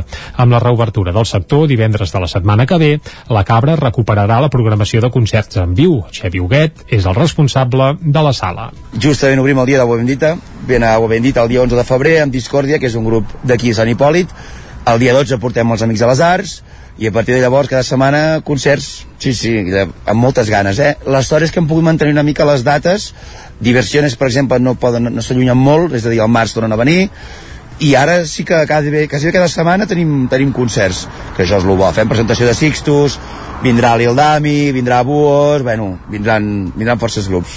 La tornada a l'activitat de bars de nit, discoteques i sales de concerts serà sense el certificat Covid, Covid, volem dir que sí que s'havia aplicat a la tardor, i es va anunciar aquest dimarts, 10 dies abans, que sigui efectiva la mesura. D'aquesta manera, expliquen des de la Cabra, hi ha prou marge, en el seu cas, per preparar concerts, fer-ne publicitat i vendre entrades. L'actuació de l'executiu aquesta vegada la veuen adequada. Les crítiques per les mesures preses anteriorment, però, també hi són. Xevi Huguet. Els primers que volien vigilar els usuaris que tinguessin el seva, no? que, que fos segur un espai segur de Covid, eren nosaltres clar, que tot això, a un, quan ha passat tot això, tornin a tancar, a cap de 3 mesos tornem a tancar, però a més a més el dia abans, clar, és, a més sense cap mena d'ajuda econòmica, ni tan sols ens han informat ni comunicat res el dia abans que van tancar, no ens van comunicar res, ni a FECASAR, ni a cap, ni a cap mena de sindicat, ni, ni d'associació organitzada de l'oci nocturn. Per tant, evidentment exclosos, i, i bueno, jo m'atreviria a dir insultats no, però és molt, és molt trist és molt trist perquè d'aquí depenem molta gent que tenim fills i tenim famílies i han de menjar bàsicament això, és una feina com una altra L'oci nocturn ha estat tancat durant bona part de la pandèmia des de mitjans de març de 2020. El termini més llarg de funcionament des de l'arribada de la Covid va ser de dos mesos i mig, entre l'octubre i el desembre de 2021. Els veïns de l'escorxador Mafrigès a Sant Vicenç de Torelló ja tenen els diners per anar al contenciós administratiu i intentar aturar l'ampliació. La plataforma veïnal de Sant Vicenç de Torelló que lluita contra l'ampliació de l'escorxador Mafrigès ha aconseguit ja 2.500 euros a través d'una campanya de micromecenatge que els permetrà portar el cas al contenciós administratiu. De totes maneres, la campanya continua oberta al, web per poder doblar aquesta quantitat i així finançar els costos judicials si el cas arribés a judici. Des de la plataforma han fet un comunicat agraint les donacions. El primer pas és ara presentar la demanda al contenciós administratiu per aturar el procés d'ampliació. Per la seva banda, l'alcalde de Sant Vicenç, Eric Sivina, va voler pronunciar-se sobre aquest cas durant el darrer ple municipal. Sivina va repassar la cronologia dels fets que han, que han desembocat en la llum verda del projecte d'ampliació presentat per l'empresa i que estava subjecte a un conveni signat per l'Ajuntament i l'empresa i a l'aprovació del POUM, vigent des del passat mes de maig. Sivina va recordar que des de l'Ajuntament sempre s'ha instat l'empresa i les administracions perquè actuessin en la direcció d'erradicar les molèsties. També va afegir que a dia d'avui les molèsties s'han reduït en un percentatge molt elevat i que només s'autoritzarà el projecte de reparcel·lació quan els informes tècnics siguin validats i favorables. Amb tot, l'alcalde admet que la competència en matèria d'activitat és de la Generalitat, però també va remarcar que l'Ajuntament suposa el creixement productiu que va en contra del benestar dels veïns. Més qüestions, segurament moltes de les persones que ens escolteu o esmorzar un croissant, o ho esteu fent ara, però simbòlicament la data del 30 de gener, el passat diumenge. Això sí, molts ho devíeu fer sense saber que durant tot aquest diumenge se celebrava el Dia Internacional del Croissant ves per on. El croissant, que és un producte completament integrat en el dia a dia de molts catalans i catalanes i que es presenta de mil maneres diferents, farcits, dolços, amb el clàssic de xocolata o també salats amb pernil i formatge o sobrassada, etc etc. N'hi ha de tots els tipus i de totes les mides que es puguin imaginar i des de fa un temps el Mas Corcó Pagesos Forners de Manlleu se n'han inventat un que cada cop està tenint més acceptació a la comarca. Es tracta del croissant anomenat o batejat com a tifeta la tifeta, que ja et pots imaginar, us podeu imaginar la forma que té, és més cruixent que un croissant sencer, ja que té més superfície. Un cop feta la forma de tifa, de caca, només s'ha de posar al forn i esperar uns 15 minuts a 190 graus.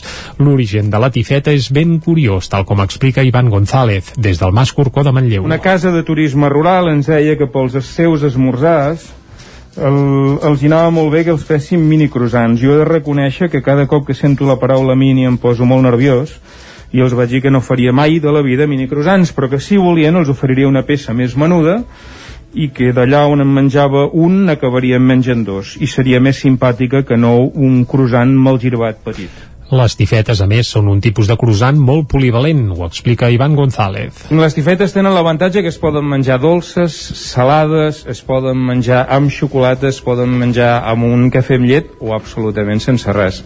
Un cuiner de prestigi de la comarca ens va fer eh, unes i fetes farcides amb crema de ratafia i eren una autèntica delícia. Uh, no en tenim cap dubte. A partir d'ara, si ens pregunten si ens ve de gust una tifeta, tant si és el Dia Mundial del Croissant com si no, Isaac, haurem de dir que sí, eh? Segurament. Sí, sí. L'historiador cardedeuenc Salvador Coll recull en un llibre en mig segle de teixit cultural i social de Cardedeu. El llibre es va presentar ahir a la biblioteca amb èxit d'assistència. Núria Lázaro, des de Ràdio Televisió Cardedeu. El llibre 50 anys de vida cultural i esvergiment a Cardedeu, Salvador Coll analitza la vida cultural al poble entre 1920 i 1970 amb un recull de documents sobre la vida cultural i associativa al municipi. Aquest projecte va néixer quan Coll va començar a buscar informació sobre els Cruixent Domènec, una família molt vinculada al teatre i al món de la cultura a Cardedeu en aquella època. A partir d'aquí va seguir la recerca i va començar a aparèixer més persones amb documentació similar que havien heretat dels seus antecessors. Per completar aquest recull hi han intervingut una vintena de persones tot aportant material que tenien guardat a casa seva. El llibre està estructurat cronològicament i recull programes de l'època republicana, fotografies de personatges rellevants del moviment cultural i associatiu a la vila i documents que exposen la riquesa de la vida cultural en aquell moment. Gràcies, Núria. I ens ho pensava ahir Jordi Vilarrodà l'agenda cultural. Univers Jordi Cano és el nom de l'exposició que a partir de divendres es podrà veure al Centre d'Arts Contemporànies ACVIC. Es tracta d'una mostra que reflecteix les grans passions de l'autor mort l'abril de 2020 a causa de la Covid-19. L'exposició s'inaugurarà aquest divendres a l'ACVIC en homenatge al pintor, dissenyador i pedagog biguetà, mort l'abril del 2020 a causa del coronavirus. En el paper de comissària de la mostra, una de les amigues més properes de Cano, la crítica d'art Glòria Picazo, assegura que més que una exposició es tracta d'una aula de creació que reflecteix un univers basat en els referents i les grans passions de l'autor, des del cinema a l'obra de la coreògrafa Pina Bausac, passant també per la mitologia infantil. Escoltem a Glòria Picazo. La meva preocupació era com, com construir aquest món i com d'alguna manera des de, des de la proximitat de, amb, amb l'artista amb l'amic, primer posaré l'amic amb l'amic, amb l'artista i amb el pedagog, no? com construir aquest univers jordicà, no? que l'exposició està ple d'anècdotes no?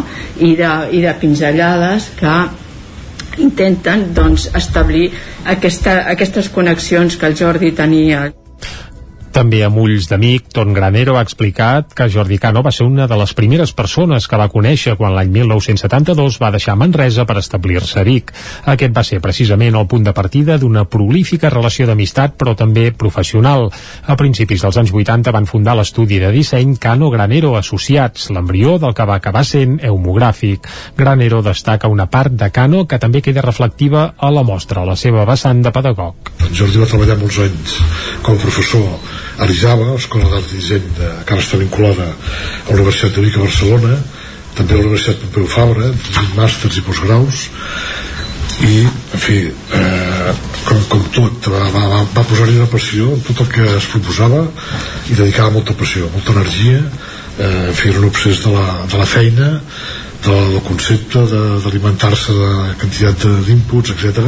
I Jordi va crear mètodes de, de, per atacar als alumnes per crear sobretot directors d'art etc doncs, bueno, va, va estar fent classes a Sud-amèrica moltes vegades en fi, va assistir a infinitat de congressos fer un personatge d'una potència excepcional la mostra, que es podrà veure a l'ACVIC fins al dia de Sant Jordi, el dia 23 d'abril, ha comptat amb el suport de la Universitat de Vic, Universitat Central de Catalunya. Gràcies, Jordi, que aquí aquest repàs informatiu que començàvem al punt de les 10 en companyia, com dèiem, de Jordi Sunyer, Isaac Montades, Núria Lázaro Caral, i Caral Campàs. Moment ara de tornar a recuperar, la, de conèixer la previsió meteorològica amb en Pep Acosta.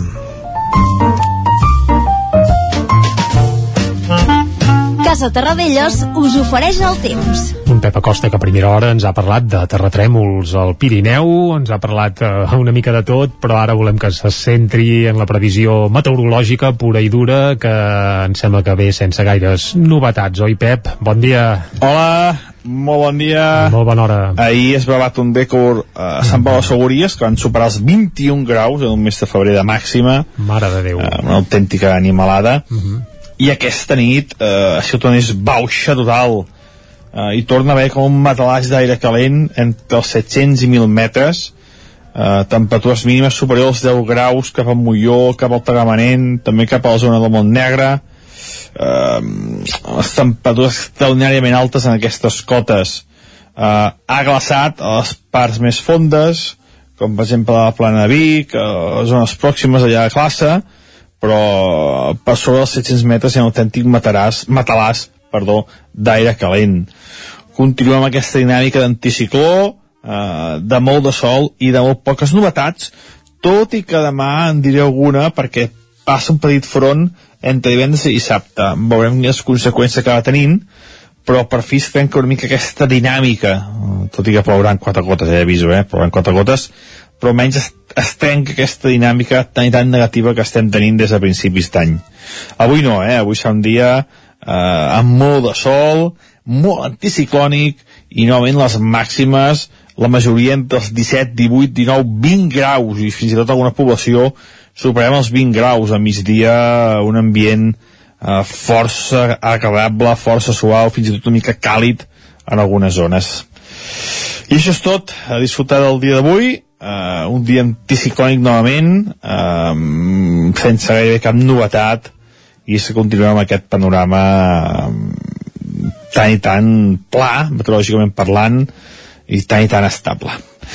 Moltíssimes gràcies i fins demà que ja analitzarem el temps que farà el cap de setmana. Adéu, bon dia. Bon dia doncs va, que vagi molt bé. Uh, alguna novetat, potser, eh? Aviam si encara cau alguna gota. Dir que poques, però vaja. Bé, poques, Demà ens ho explica. Sí, sí, exacte. Va, anem Vinga, cap a anem a l'entrevista. Vinga.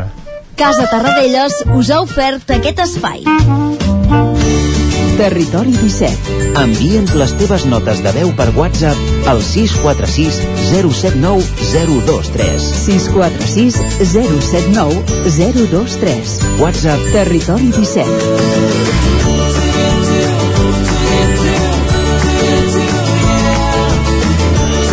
Territori 17. Som a Facebook, Twitter i Instagram amb l'usuari Territori 17.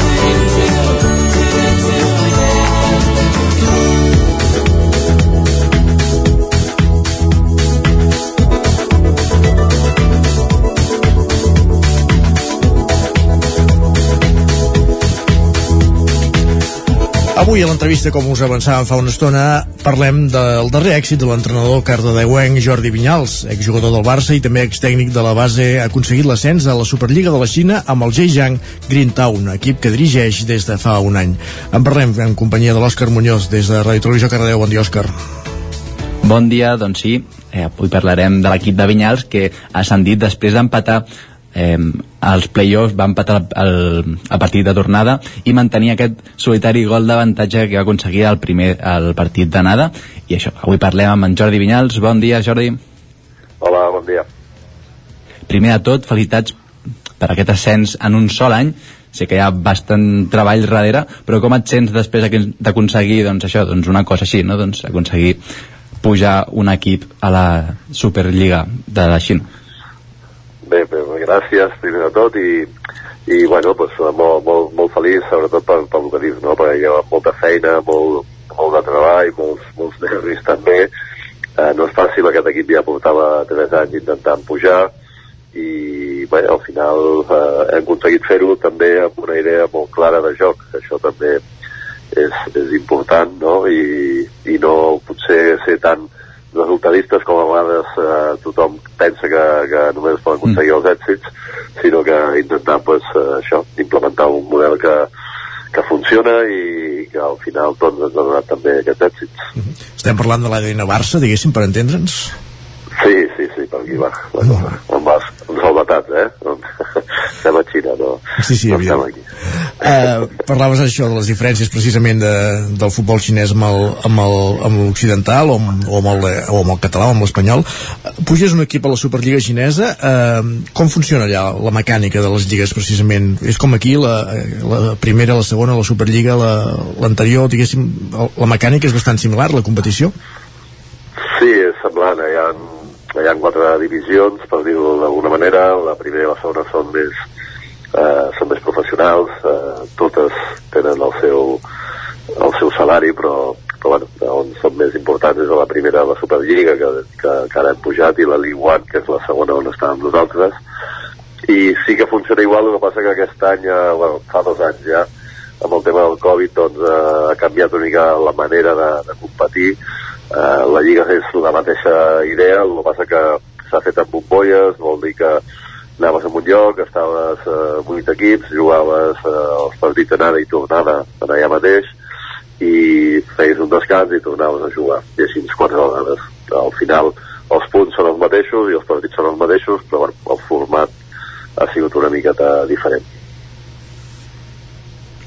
És molt, o sigui, hem comentat aquestes diferències, és molt diferent entrenar a un equip d'allà que d'aquí, o sigui, no només a, a tema de joc, sinó també cultural? Sí, està clar, culturalment som, tenim dos mons diferents, això està clar, i també allà la tradició del futbol no és la mateixa que aquí, no, no, no tenen la mateixa, la mateixa història ni, ni tothom quan surts al, al carrer eh, respira futbol. Però, però al final després entrenar, entrenar és pràcticament el mateix i els partits també, i al final és un partit de futbol competitiu dintre de cada categoria i amb, amb la qualitat de cada, de cada equip i, i bé, i al final pujar de categoria qualsevol país del món, està clar que fer-ho amb una lliga molt més potent sempre és més complicat, però, però també és, és, és difícil a tot arreu, no? Encertar amb tots els ingredients que necessites per, perquè mm. aquests equips acabin, acabin funcionant i, i aconseguint l'èxit. Uh -huh. Ara comentaves aquest fenomen que dius, clar, el futbol a la Xina no està tan arrelat com, a, com aquí uh, de totes maneres aquí estem acostumats per exemple a adaptar horaris televisius als horaris xinesos per fer partits de, de futbol hi ha, un creix, hi ha un creixement, diguéssim, o, o està molt limitada la cultura futbolística a la Xina? Bueno, hi ha un creixement, o va haver-hi un creixement, sobretot amb les últimes, els últims anys, amb unes inversions molt, molt fortes, no? Tots coneixem de jugadors i entrenadors molt, molt mm -hmm. importants, amb, amb molts diners. Uh, està clar que la, la Premier uh, va per davant, uh, porten molt temps, i sobretot a Alemanya també, uh, donant partits amb uns horaris que ells els hi van molt millor per, per la diferència horària i per tant hi ha més aficionats a, a la Premier que no aquí potser en el, en el futbol espanyol però també és veritat que, que el futbol en allà depèn molt de la selecció nacional o sigui, com tot, no? És un esport que no és el, el més vist de, de Xina i llavors si la selecció nacional, com va passar amb el Yao Ming aquest, el, el, que, el jugador de bàsquet que va, que va, va obrir el bàsquet pràcticament per tota Xina doncs la selecció nacional no acaba de funcionar a nivell de resultats i, i potser s'està caient una miqueta aquesta, aquestes ganes, aquesta afició, però bueno, al final és un país de 1.400 milions d'habitants, només que hi hagi un 0,5% que li agradi el futbol, doncs ja són, ja, ja val la pena canviar, Clar, canviar, ja són... canviar horaris. Despoblació. Parlem de, d'aquesta experiència a, a la Xina, just havies, eh, això, just havies entrenat, parlem d'aquest tema, havies entrenat a l'equip que veu guanyar la final. Havies... Sí, sí, bueno, allò, allò casualitat de la vida. El King, King Zhao. Sí, el Qingdao, sí. Sí, bueno, va ser, va ser l'anècdota, no? Però la veritat és que sí. des que van pujar, el primer any ja no, no van fer un gran any, però es van acabar segona a la promoció i aquest any doncs portaven encara un, una línia encara pitjor i bé, va ser, va ser l'anècdota que, bueno, que, que et toca, tampoc hi havia, i sempre ho dic, sí. i la gent de vegades s'ho creu o no, però no, no, no hi havia cap, cap especial revenja ni, ni problema, sinó simplement bueno, hi ha gent que coneixes, que, que et sap greu per ells, i, però bueno, tu tens que intentar que el teu equip pugi. I simplement va passar això. Ells jo crec que van fer una mala planificació i portaven una, una línia molt dolenta i al final pues, va passar el que hagués passat amb qual, potser amb qualsevol altre equip que s'haguessin enfrontat eh? Uh, estem, coneixíem a Jordi Vinyals de tota la trajectòria com a futbol a, a l'estat espanyol en els darrers anys entrenant el juvenil del Barça vas arribar a agafar el Barça B i arriba el moment que se't planteja anar a la Xina com va anar tot plegat? Bé, després del Barça B, que, que va ser un cop uh, dur, no? perquè al final no, no, vam, no vam donar amb la tecla per poder salvar l'equip, uh -huh. uh, vaig passar a ser el al cap uh, de, tècnic d'Àsia de, de, de les escoles de, del Barça i vam anar a inaugurar unes, unes quantes escoles uh, a Xina i, i bueno, un dels que va comprar les escoles era el propietari també d'un equip, del Xindao, i va ser quan em va oferir, així sense tampoc buscar res, perquè no, no m'ho imaginava, eh, que, que si volia ser l'entrenador, i la veritat que jo tenia l'espina una mica clavada d'aquest de, de descens amb el Barça B, necessitava tornar-me a sentir entrenador, tornar-me a, a sentir que, que les coses feien bé, que, que venien els resultats, i quasi, quasi sense pensar-ho, vull dir, perquè no coneixia de res de, de, del, del futbol a Xina i menys de, de la segona i simplement va ser això, va ser una oportunitat i vaig dir, va, necessito treure'm aquesta espina i va ser el primer que potser que m'ho va oferir i, i no m'ho vaig pensar i va anar així, així de casualitat una mica tot. I ara toca consolidar l'equip a la nova categoria, entenc, oi? Sí, en principi sí, en principi l'equip és, és un equip dels, de cometes històrics de, de Xina i el que vol és això, eh, consolidar una mica l'equip aquest any i llavors pues, eh, millor en, en dos anys o tres anys doncs, plantejar-se si es pot accedir a intentar guanyar la Superliga o anar a la, a la Champions asiàtica que ja serà una altra cosa. Actualment vius a la Xina, la família la tens aquí, com, com compagines tot això? Bé, sí, bueno, clar, jo he estat, aquest any ha sigut molt dur, perquè amb el tema de la quarantena que tens que fer per entrar a Xina i les restriccions que es posen, al final no puc veure la família ni la família ha pogut viatjar uh, a Xina. Però normalment, els altres anys que he estat amb el Xindao i que hi havia problemes, doncs era, la família venia dos o tres mesos, jo també em podia escapar dos o tres vegades a l'any perquè sempre hi ha unes festes que fan allà i que donen 15 dies i llavors bueno, doncs era baixar, agafar un avió estar uns 6 dies aquí i tornar. Gràcies, però ara clar, no ha sigut així Ho hem de deixar aquí, eh, se'ns acaba el temps. Gràcies, Jordi Vinyals, per servir el 30 17. Bon dia. Vinga, a vosaltres. Adéu. FM, la ràdio de casa, al 92.8. Cefusol, centre de formació de soldadura GURB.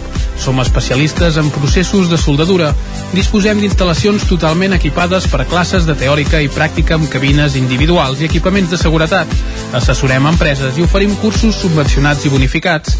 Vine i t'informarem. Cefusol, som al carrer Sant Roc, número 9 de GURB. Telèfon 664 206 192. També ens trobaràs a cefusol.com i a YouTube. A la rostisseria el plat ens agrada la cuina de sempre, la de les àvies i de les mares. La cuina feta amb paciència com s'ha fet tota la vida. Vine a provar els nostres canelons gruixuts o els croquetons, les nostres croquetes de 80 grams. I recupera el gust del pollastre las com els que es menjaven abans. Ah, i aprofita, fins a finals de febrer, 20% de descompte en els canelons i el pollastre. Rostisseria el plat, encàrrecs fins a les 12 del migdia i servei a domicili. Ens trobaràs de dijous a diumenge al carrer Església número 6 de Taradell o al 93 135 58 85. Cobertes serveis funeraris. Els nostres tanatoris estan ubicats en els nuclis urbans més poblats de la comarca d'Osona per oferir un millor servei. Tanatori de Vic, Tanatori de Manlleu, Tanatori de Centelles i Tanatori de Roda de Ter. Sabem que són moments difícils i per això el nostre compromís és atendre-us en tot moment amb un tracte humà, sensible i respectuós. Cobertes serveis funeraris. Telèfon 24 hores 93 883 23 46. Cocodril Club. Si t'agrada la bona música dels anys 60, 70 i 80, escolta el 9 FM als matins de dissabtes i diumenges d'11 a 1. És el temps del Cocodril Club, tot un clàssic de la ràdio, amb les bases del pop-rock, les llegendes, les cançons que s'han convertit en autèntics himnes. Recorda, dissabtes i diumenges al matí, d'11 a 1, al 9 FM 92.8. Cocodril Club, el programa revival de l'Albert Malla. Hasta luego, cocodrilo. Anuncia't al 9FM. La màquina de casa. 9 3 8 8 9 4 9 4 9. Publicitat arroba al 9FM.cat. Anuncia't al 9FM. La publicitat més eficaç. El 9FM, el 9FM, el 9FM, el 9FM. Anuncia't al 9FM. La màquina de casa. 9 3 8 8 9 4 9 4 9. Publicitat arroba al 9FM.cat. Anuncia't al 9FM. La publicitat més eficaç.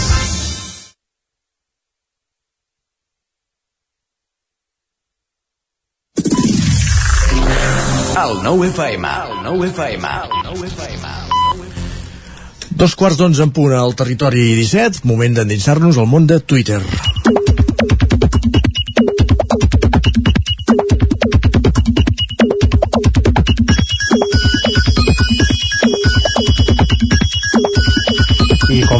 Com, cada dia per endinsar-nos al món de Twitter. No ho fem pas sols i anem amb un bon guia que és en Guillem Sánchez, aquí ja saludem.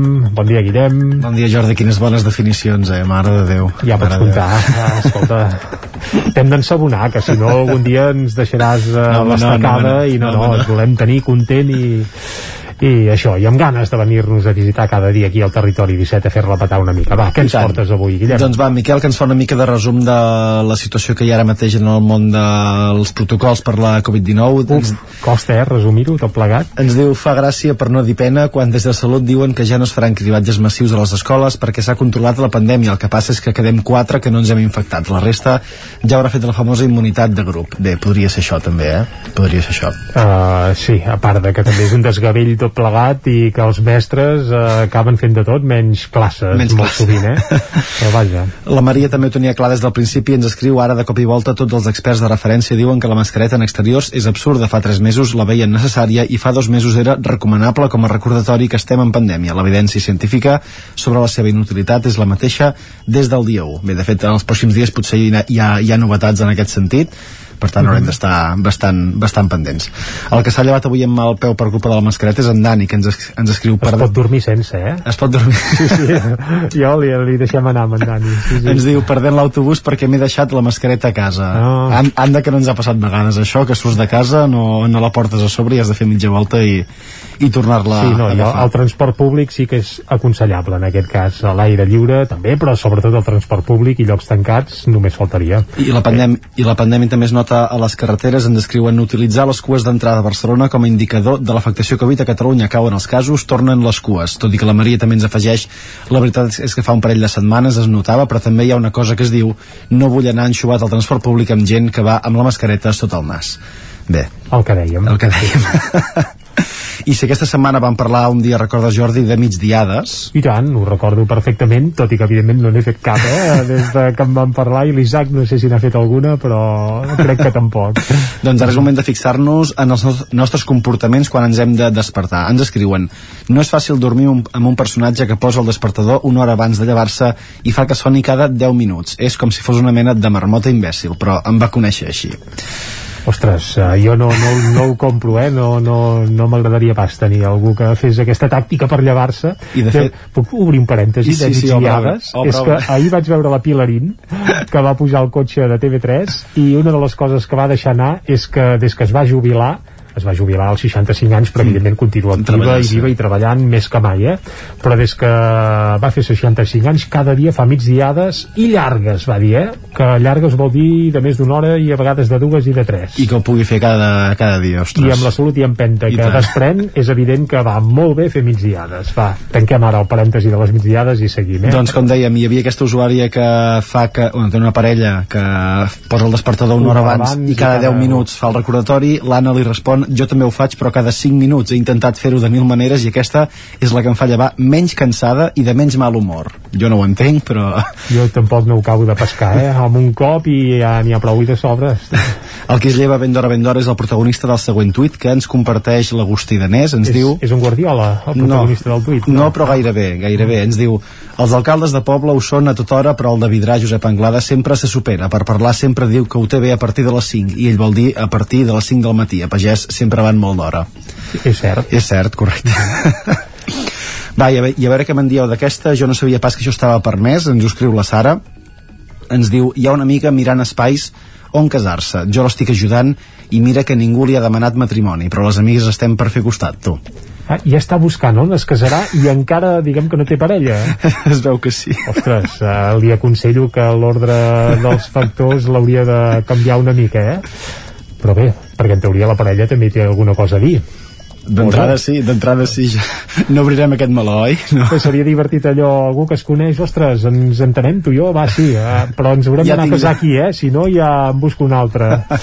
Bé, Doncs vai, canviant de tema, sembla Curiós. que el català guanyarà oients a Canadà en poc temps. Ens escriuen, ens escriu la Txell que diu acabo el concert i un noi se m'acosta i em diu que em segueix des de fa temps, que va aprendre el català amb els openings i les sèries manga que feien al 3XL i que em compra el disc i diu que se l'endú al Canadà, que el punxarà allà a la ràdio on treballa. Quina Txell és aquesta, la Meritxell Nederman? Txell Sota. Ah, no la coneixem. No la coneixem, però potser algun dia podem posar algun tema... Buscarem, algun tema buscarem, seu. i tant que sí. I com sempre diem, la música ens acompanya en tot moment, també quan tens Covid, com en el cas de la Mireia, que ens comenta dia 2 de Covid vaig aprendre a fer ganxet mentre escoltava música punk. Doncs que li, que li aprofiti aquesta, aquesta gran combinació per descobrir fer ganxet i també la, la música punk. Doncs fantàstic. Qualsevol tipus de música és bona per I fer el tant. que sigui, El que que, sigui sigui. ganxet, i tant que sí. Guillem, moltes gràcies. Que vagi molt bé. Va, Isaac, fem un cop d'ull ràpid a les portades del 99.cat i comencem per l'edició d'Osona i el Ripollès, que ara mateix eh, obre explicant que Camprodon exposarà una trentena d'armes de la retirada sis anys després de ser comissades per la Guàrdia Civil amb una fotografia més d'un fusell que sembla tret de, bé, de l'època Neandertal, però que en teoria deu tenir un centenar d'anys. Més coses. A la portada del 99.cat, Osona posa en marxa un punt gratuït d'atenció a menors que tenen problemes amb addiccions i drogues i pantalles. I també incendi a la muntanya de Sant Antoni de Ripoll. Anem cap a l'edició del Vallès Oriental, que ara mateix obre explicant que la Sindicatura de Comptes troba fraccionament indegut de contractes en adjudicacions fetes per Sabossa l'any 2018. També Sant Celoni licitarà les obres del nou casal d'avis aquest any i també s'apunta detingut un menor per tirar pedres a cotxes des d'un pont de l'AP7 a la Batllòria. Doncs queda recollit, gràcies Jordi. Anem cap a la taula de redacció.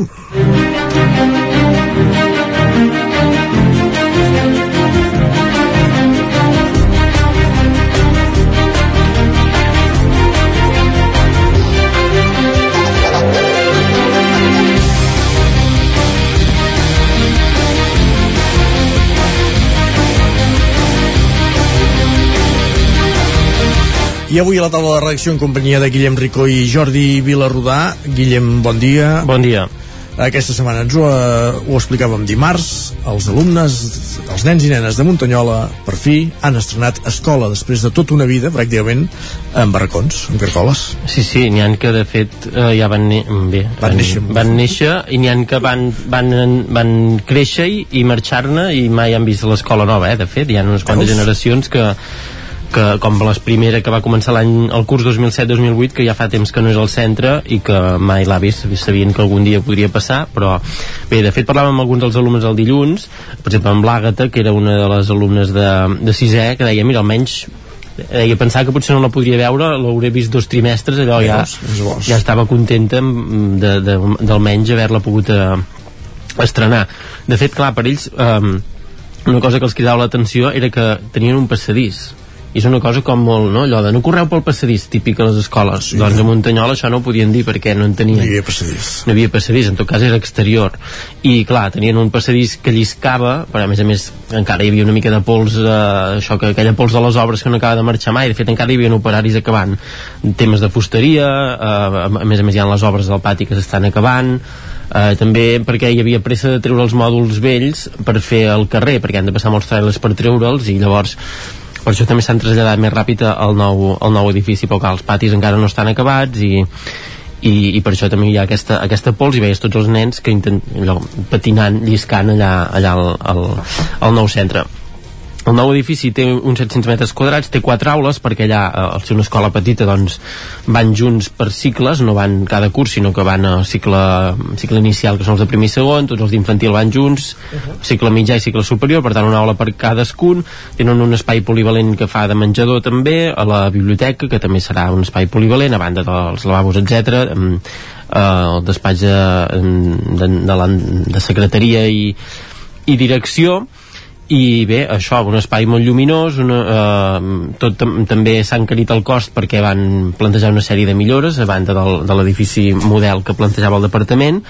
I, eh, inicialment havia de valdre 1,2 milions al final n'ha valgut 1,4 perquè hi ha hagut aquest increment de cost de, de les matèries primeres que ha fet doncs, en, a part d'endarrerir de, les obres que van començar al gener de l'any passat a part d'endarrerir el, el final doncs això, eh, ha encarit una mica uns 188.000 euros el, el cost total de, del centre. Ara això, estan acabant de fer les obres de, de, del pati i del carrer que era una de les millores que feia l'Ajuntament i, i també ja s'han començat a treure aquests mòduls on ja han estat des de gairebé, durant gairebé 15 anys 14 cursos i mig um, i que ara notaven el canvi això, els espais aquests molt més grans també tenen alguna paret d'aquestes correderes que fa que es puguin ajuntar dues aules per si han de fer alguna cosa tots junts doncs que, que, que tinguin més espai. Llavors això, el primer dia una mica va ser de, de descoberta de, dels nous espais els del cicle mitjà també escrivien una mica que havien sentit a, a, quan havien entrat a, a, a l'escola per després compartir-ho i això, una, un tema molt esperat també mm, pel, pel municipi també des de l'Ajuntament que ens recordaven això a l'alcalde eh, que quan va entrar ja, ja hi havia alguna sessió de terrenys però semblava que era molt lent. Llavors amb el fet aquest que l'Ajuntament hi avancés diguem els diners malgrat el 80% el pagui la, la Generalitat, doncs això ha fet que es pogués avançar mm, molt més ràpid que, que altres centres on estan pendents d'obres, com per exemple l'Institut del Ter o l'Institut de Gurb, que va tot molt més lent. Uh -huh. De fet, haurem de veure els propers aviat que, que ja comencin les obres a, a Gurb, Uh, sí que també van començar aquest, aquesta setmana han començat les de l'Institut Escola de Sant Pere i les de Balanyà també estan, a punt de, estan a punt d'acabar. De fet ens deien que probablement els propers dies ja veurem com hi van entrant els alumnes de forma esglaonada en aquest cas i en, en aquests tres casos s'ha avançat més per què? Doncs perquè això, perquè han arribat aquests convenis a, a, entre el Departament i l'Ajuntament que, que avancen part dels diners per poder començar tot el procés i després amb diferents anualitats la Generalitat diguem com que els hi va, els hi va tornant i en el cas de Balanyà com el de Muntanyola que escoles que preveien començar l'any i ja aniran amb unes setmanes de retard. Exacte, també pel que dèiem de Muntanyola d'aquests dels, dels materials. gràcies Guillem. Adeu, bon dia. Bon dia. I continuem a la taula de redacció com dèiem també en companyia de Jordi Vilarrodà parlant d'una exposició, una exposició que es pot visitar al Centre d'Arts Contemporànies de Vic l'ACVIC, abans hem parlat als oficis i ahir també ens ho avançaves que es presentava aquesta exposició de Jordi Cano, però avui ens fixem en una altra amb la de Cristian Inaraja, dissenyador gràfic i en aquest cas dibuixant també il·lustrador, de il·lustrador. fet. Eh, sí, sí, és il·lustrador. Eh, aquesta exposició forma part d'un cicle que, que va fent eh, el Centre d'Art Contemporani té una sala d'exposicions principal, que és allà on hi haurà aquesta en Jordi Cano, de la que parlàvem ahir, la que s'inaugurarà demà, demà divendres, i a més a més té eh, una altra sala petita, més petita que està aprofitant per fer unes exposicions eh, seguint un cicle. Se'n va fer un sobre els ceramistes usonencs, que són molts i molt bons a més a més, casualment o no aquí a la comarca hi ha força ceramistes. I ara n'està fent un altre d'il·lustradors, que també n'hi ha molts i si contem segurament més il·lustradores que il·lustradors fins i tot, però aquesta vegada toca un il·lustrador que és el Cristian Inaraja, un dels que fa més temps que es dedica eh, aquesta activitat creativa. De fet, aquestes exposicions volen reivindicar una mica que els il·lustradors a part de posar il·lustracions en llibres molts dels quals són llibres infantils, infantils juvenils, eh, a més a més eh, és una feina creativa i a vegades no només lligada amb un text o amb un llibre que ja els havia prèviament donat, sinó una activitat creativa per ella mateixa, com és això que ens mostra en Christian en aquesta exposició, que són uns dibuixos automàtics. Què vol dir? Una mica és deixar-se anar, és no no seguir ni, ni, ni un text ni una inspiració prèvia mm, sinó d'alguna manera anar fent allò que eh, et va sortint. I a vegades posant-hi tu mateix unes dificultats. Per exemple eh, ell doncs en una sèrie d'aquests dibuixos es posa com a repte eh, dibuixar amb la mà esquerra quan ell és dretà. A veure què surt no? eh, un altre doncs crear una sèrie de personatges com si realment fes eh, uns retrats i posar-los noms. Després un cop ja estan creats creats. Uh, jo seria capaç de fer res amb l'esquerra, per molt habituat que segur, estigui. Segur, segur. És que jo, jo vaig pensar i diu, no, no, diu, és que això ho faig perquè precisament et desactives dels automatismes que tu tens amb la dreta i, i, i és un altre procés diferent. Clar, o sí, sí. deixar anar una taca en un, a, a, taques de color a, en, en una làmina, un paper, i després veure allà crear-hi uh, un cotxe o una moto a partir de cada una d'aquestes taques de segons com hagi sortit. Imaginar-te les persones que hi aniran a dins. Eh, són, són uh, aquests automatismes que diu ell, aquests dibuixos automàtics eh, que, que, que exposa doncs, aquí en aquesta, en aquesta sala, en aquesta exposició. Eh, i, i després doncs ell continuarà amb altres il·lustradors. En Cristian Eraja és potser dels més destacats que tenim perquè a més a més ha guanyat premis molt prestigiosos. Dintre del seu àmbit, té el Premi Junceda té el Premi, el Premi Compostela d'àlbum il·lustrat els seus àlbums eh, i amb les seves il·lustracions doncs s'han editat en diferents llengües de l'Estat eh, eh, en fi, és, és un dels més consagrats en aquest sentit però en vindran d'altres després en, en aquesta sèrie i deixem-me deixem fer un esment també a un altre dels espais del centre d'art que és el, el de l'aparador que se'n diu l'aparador justament per això perquè és de cara al carrer diguem el que sí. doncs dona de cara al, a, a, a la plaça que hi ha davant del centre d'art contemporani i mira cap a les adoberies. Doncs en aquest espai sempre també s'hi van fent sèries d'exposicions i ara es va acabant durant aquesta temporada una que s'ha dedicat al fotoperiodisme. I déu nhi la quantitat de fotoperiodistes usonencs que han sortit.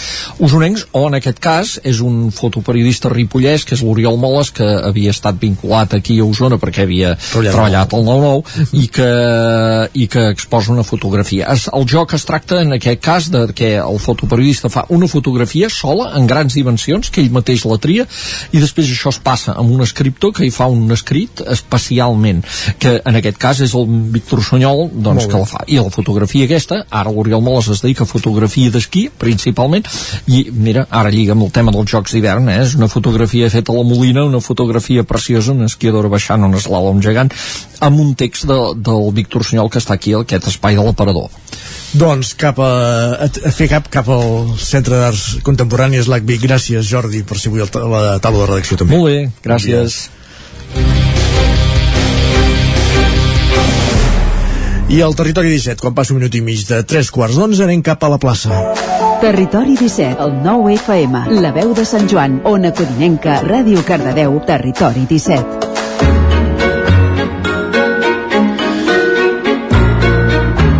La plaça, ja ho sabeu, aquest espai de nova economia que dediquem el que dediquem aquesta hora cada dijous, a la recta final de la segona hora en companyia d'11.cat i de la Maria López des de Ràdio Televisió Cardedeu.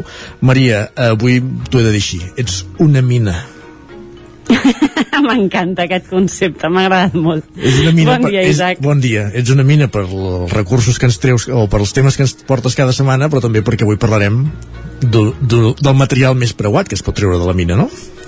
Ah, exactament, avui uh, tenim un tema, un tema que a mi quan me'l van proposar les companyes d'11.cat, t'haig de dir que em va venir al cap una imatge del tio Gilito, Ai. no sé si recordeu aquell personatge, el tiet del, del Pato Donald, no? que uh -huh. es, es banyava amb, amb bitllets de, amb, amb dòlars, però també tenia com un racó superamagat tot ple de lingots d'or i a mi quan m'ho van proposar de seguida em va venir aquest aquesta, aquesta reminiscència de, de la meva infantesa amb aquesta imatge. Un ric empadernit obsessionat amb aquests lingots d'or i és que avui, com deies tu, volem parlar de metalls preciosos. Però el que volem saber és quin paper tenen aquests metalls en la nova economia, com afecta també la inflació a l'or, per exemple. I una família normal, treballadora, com segurament molts de nosaltres, pot comprar lingots d'or. I té algun sentit fer-ho? Per parlar de tot això, com bé deies, avui comptem amb la Núria Rambla, ella és CEO Executive Assistant d'11.cat, bon dia. Hola, bon dia. I comptem una setmana més amb la Gemma Vallet, i ella és directora de màrqueting d'11.cat. Bon dia, Gemma. Bon dia, Maria. Doncs de Tio Gilito, uh, i, i, i d'aquest desconeixement també, perquè jo tinc aquesta imatge, però de veritat que jo crec que el tema dels, dels metalls preciosos i de quin, quin valor pot tenir realment tenir això, això a casa o en una caixa forta, crec que molts el desconeixem. Comencem amb, amb la pregunta de per què parlem avui de, de metalls preciosos. Sí, uh, estem vivint un moment uh, d'especial incertesa amb el tema de, dels països, els bancs, a nivell econòmic, crisi, inflació, i això fa que no sigui segur tenir bitllets. Vale? Llavors, uh, es, per això està sorgint i estan agafant importància el tema de, el dels metalls. Vale? O sigui, és un tema de seguretat Sí, perquè diguéssim que avui en dia eh, hi, ha una, hi ha una... la moneda arriba a un punt que potser no serà segura vale? I estem, estem, quebrats els bancs ja han quebrat una vegada ja els vam rescatar una vegada estan a punt de tornar-se a rescatar els països també i en qualsevol moment pot haver-hi un, un, un crack vale? llavors hem d'estar preparats per això també qualsevol moneda de fet qualsevol, és, és insegura no? perquè moneda, de la nit sí. al dia et pots passar de tenir... llavors pot, pot passar que el que és una moneda, un bitllet passi a ser paper mullat que diuen per empaparar una paret llavors per això s'està parlant de, de l'or Quina diferència hi ha amb, amb l'or? Com funciona el, el valor de l'or perquè estigui al marge d'aquestes diferències, diguéssim? Bueno, com tu has dit, és el gran clàssic del tio Gilito. L'or ha sigut sempre el gran recurs de, i sempre ha tingut el valor. Ningú posa en dubte que l'or no té valor. Llavors, sí que dins de la, de la, de la borsa l'or cotitza, té pujades i baixades, per exemple aquesta setmana ha baixat, però a la llarga sempre puja o sigui, l'or va sempre a l'alça i l'or sempre té valor. En canvi, hi ha monedes, ja ho sabem, hi ha hagut corralitos que s'han patat, o, o el mateix Fòrum Filatèlico, per exemple, que tenia uns segells que tenen uns valors que de cop no valia res. En canvi, l'or això no, ningú posa en dubte mai vale, de tota la història. Com és que, que sempre puja? Potser per això, perquè precisament és una cosa insegura. És escàs, tothom... és un bé escàs, mm, que presenta que no, no, no hi ha ningú que en fabriqui, Vale? No vas pel carrer i trobes, posa, mira, un or sota una planta. Clar, eh? i ningú posa en dubte la seva qualitat, vull dir, és molt fàcil de valorar si és un, un or de qualitat, és pur o no, i llavors el, és molt fàcil de, aquest valor. No, no, no es pot posar en dubte que, que no el té. Però l'afecta la inflació d'alguna manera, l'or, o està... A veure, la, la inflació ens està afectant de manera diferent. O sigui, no és que estigui afectant a, a, a l'or. O sigui, directament acabem a parar, anant a parar l'or, però a nivell familiar el que ens estem trobant, o a nivell de les economies, i explico, ho explico en un llenguatge més senzill perquè ho puguin entendre. Ah, d'això es tracta la plaça, persones, sí que fantàstic. Sí, les persones que no entenen amb, amb economia i senten a parlar de l'IPC o de la inflació i desconnecten perquè són perquè, paraules molt... Sí, perquè, ha, perquè sí. masses conceptes en sí. una sola frase. Sí, no? Llavors, uh, el que, el, que, el que està passant en aquests moments és que en els nostres estalvis els hi poden afectar dues coses. Una cosa els hi afecta positivament i una altra cosa negativament. Llavors, positivament els hi afectarien els interessos. Un, tinc uns estalvis i em donen uns interessos, però en aquests moments els tenim a zero. Per tant, positivament res perquè no, no, no creixen. I dius, bueno, doncs tinc allà els estalvis i no em creixen, vale, no passa res. Però sí, perquè, sí que passa perquè hi ha inflació. I la inflació ens afecta negativament. Per tant, aquell cosa que tenim d'un valor al cap d'un any val menys vale? posant un exemple en aquests moments aquí a, a Espanya s'ha tancat l'any 2021 amb un 6,5% d'inflació això vol dir que si tu a principi d'any tenies 1.000 euros al teu compte, a final d'any tens 1.000 euros igualment, però com has de comprar, pots comprar per valor de 935 o sigui, cada any que passa? per tant pots comprar menys. De manera que a mesura que van passant els anys els teus estalvis que tu estàs en allà van perdent valor. Allò típic de tinc uns diners parats i no estic fent res no, sí que estàs fent, estàs perdent Clar, diners. estàs perdent diners. Per tant tens uns estalvis que perds diners i per altra banda un sistema que pot quebrar i en qualsevol moment et sobre et diuen que això no val res. Per tant dius bueno doncs anem a diversificar-ho no? podem posar una part potser no tot però una part guardem un bor en format or i llavors, clar... Per això es comença a parlar dels metalls preciosos, perquè és un valor que dius, que almenys aquí no perdo, i a la llarga haurà pujat de valor.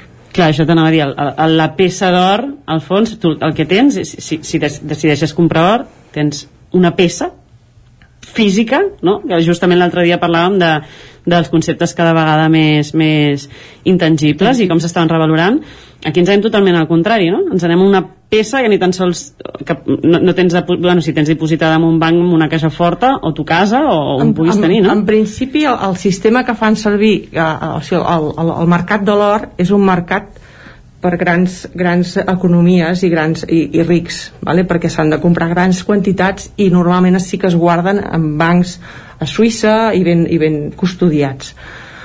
Però diguéssim que a 11 és quan hem afavorit perquè tot això puguem, puguin arribar-ho a, a comprar mm, famílies i economies molt més domèstiques i més humils que no tenen tants estalvis. Aquí volia anar precisament, no? Nosaltres Sí. tenim aquesta imatge del, Sí. del tio Gilito, que és com una, bueno, una persona doncs, super forrada de pasta i la imatge que tenim d'algú que tingui lingots d'or és això, no? El, el super ric i, i, i que, però, però jo a casa podria tenir un lingot, un lingot és pràcticament inac- inaccessible. Sí, sí, sí. Diguéssim que nosaltres ara el, el, el, hem muntat un, una, un format perquè tot això sigui accessible a tothom, poder-ho arribar a portar a tothom i puguis escollir si realment tu vols tenir el teu lingot d'or a casa, el teu trosset d'or, o vols que realment te'l guardin a- al canvi d'un certificat conforme el tenen allà guardat per tu i te l'estan custodiant.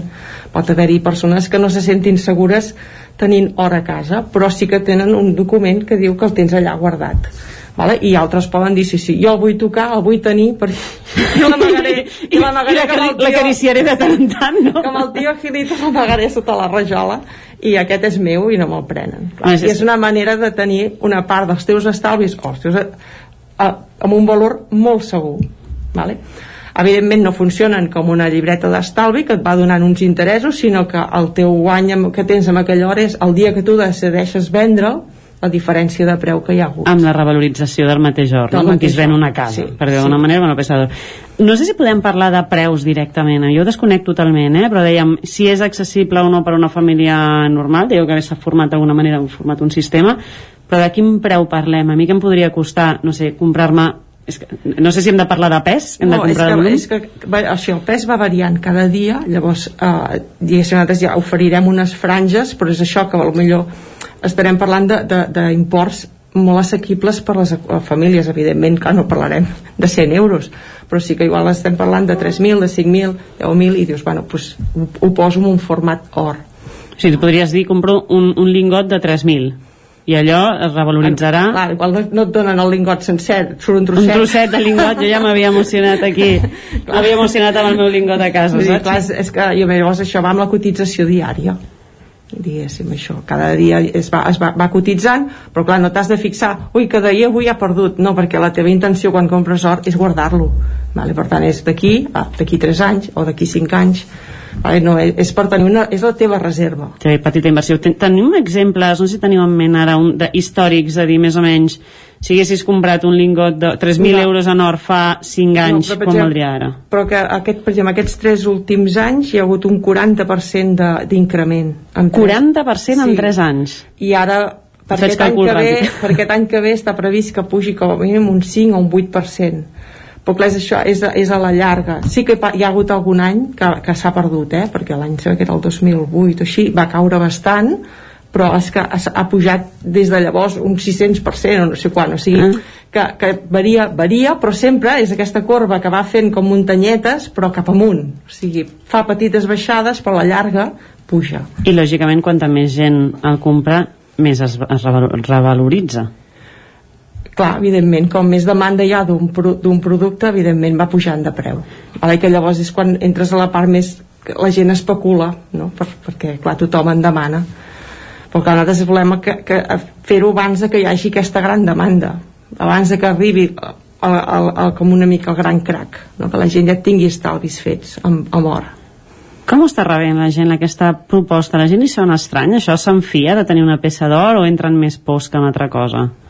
Jo crec que a la gent, a la gent li agrada perquè és això, queda molt una cosa, un tema una mica allunyat de la nostra dia a dia però tothom entén que, que, és, una, que és, és un bé per, per, per tots nosaltres o sigui, ning, ningú posa en dubte l'hora és això que deia, no? tothom se'n refia i sa, sap el que és perquè els nostres avis també tenien or Sí, a més era com un clàssic, no? Això guarda-ho que és d'or i, i la típica sí. casa d'empenyos, no?, que vas a portar allò, el, el no sé què, de, la pulsera de la iaia, que encara hi, hi, hi, hi ha algun treus, sempre.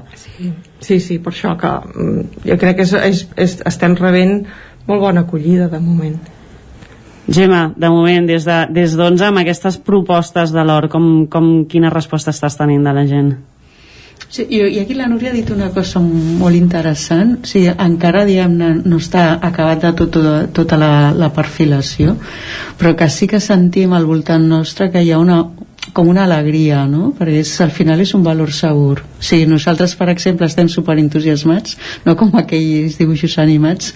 Per què? Perquè el, el, la gent que es posarà, els agents, a parlar amb, la, amb els clients, sabes, que saben que tenen entre mans una cosa molt sòlida, no? com, com l'or Llavors, sí, amb la meva experiència a vegades li explico a la Núria també, no, que havíem estat a joieria, doncs sabíem que, que tothom doncs, al final aposta per l'or, no? Tu li pots dir, no, no, et surt més barat si li poses plata i li dones un bany, però la gent que vol una peça per sempre, no?, d'allò, et cases, va buscar l'or, o sigui, mentalment ho tenim, no? Eh, és un dels metalls doncs, eh, més buscats.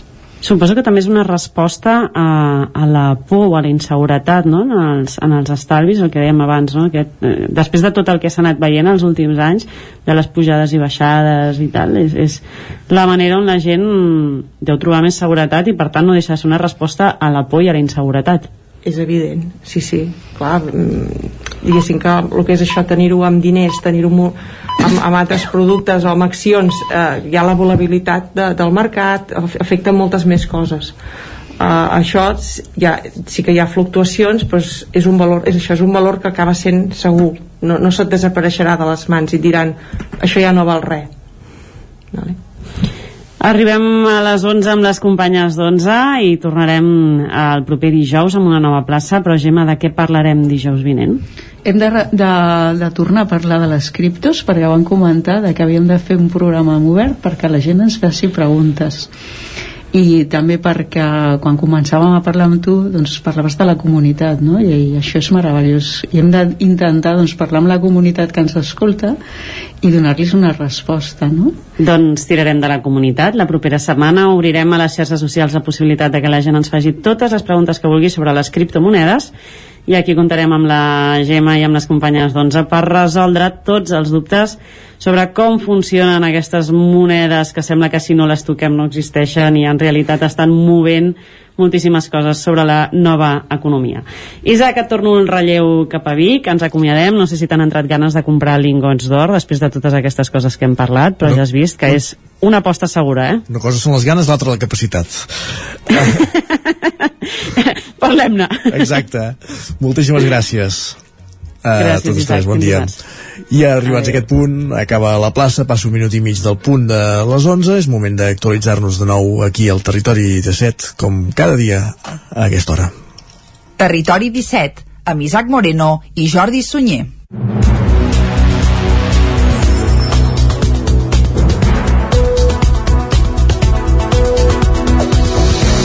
Com dèiem, moment d'actualitzar-nos, de posar-nos al dia. Anem per les notícies del matí. Els casos de coronavirus cauen a les escoles del Ripollès, tot i que encara se superen els 200 contagis. Isaac Muntades, des de la veu de Sant Joan situació epidemiològica de la Covid-19 al Ripollès als centres educatius de la comarca ha millorat substancialment en els darrers dies. Si fa poc més d'una setmana s'havien detectat 263 casos positius, actualment han baixat fins als 208. El nombre de persones confinades a les escoles sí que ha baixat en picat de 253 a només 84. Sembla que la variant Omicron comença a flaquejar també a les escoles. El centre que té més positius de la comarca en els últims 10 dies és l'Institut Abat Oliva de Ripoll amb una quarantena, tot i que només queden 13 alumnes i dos docents a casa. Seguidament hi ha l'Institut Escola de Ribes de Freser amb una trentena de positius i una desena de nens aïllats. El podi el completa l'Escola Badruna de Ripoll amb una vintena de positius i 8 persones a casa. L'Institut Escola Mestre Andreu de Sant Joan de les Abadeses també compta amb 19 positius i 6 persones aïllades. A més, hi ha força positius a l'Escola Doctor Robert de Camprodon amb 17 i 4 persones a casa i a l'Escola Joan Maragall de Ripoll amb 14 i 6 persones aïllades. Encara hi ha 3 centres més amb almenys una desena de positius més. Per altra part, hi ha 9 centres que tenen menys d'una desena de casos positius i en en cap cas hi ha més de 5 persones confinades. En qualsevol cas, dels 26 centres educatius de la comarca, només n'hi ha 7 que estan nets de Covid-19. Es tracten del Centre d'Educació Especial Ramon Sorinyac de Ripoll, l'Escola l'Esquirol Zer Vall del Ter d'Ugassa, l'Escola La Daina Zer Vall del Ter de Vilallonga de Ter, les llars d'infants del Molí Petit de Sant Joan de les Abadeses, de Ribes de Freser, el Barrufet de Can de Bànol, del Pinet Xic de Sant Pau de Segúries i la de Vallfogona de Ripollès.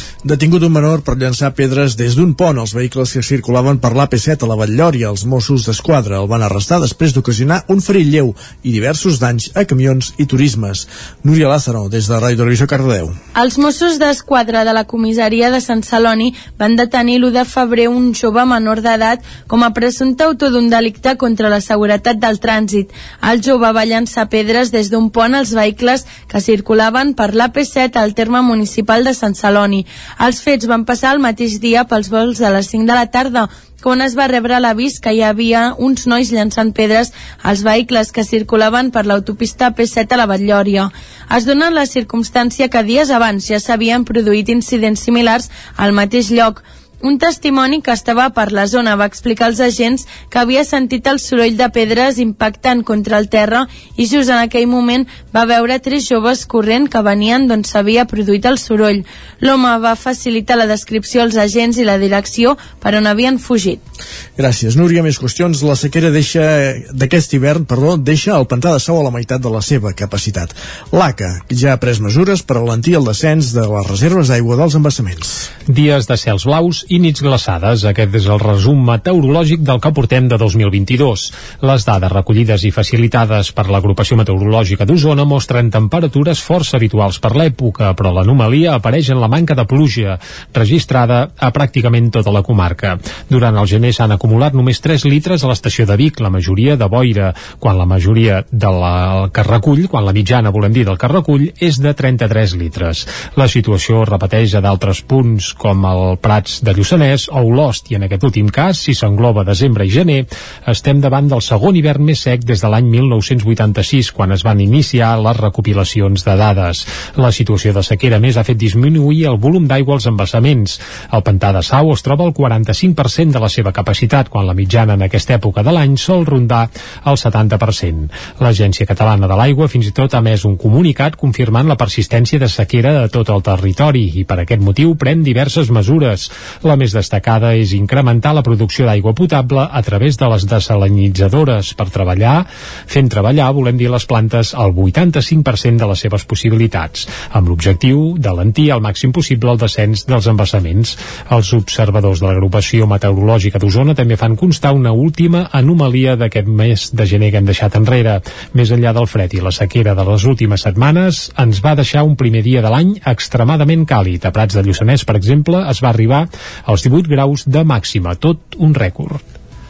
La Generalitat ja no farà testos d'antígens a les escoles. El Departament de Salut va anunciar ahir que quan hi hagi alumnes positius, els companys que siguin considerats contactes estrets no se'ls sotmetrà a cap prova. A partir de dilluns que ve, els testos només es mantindran pels alumnes d'educació especial i pel professorat.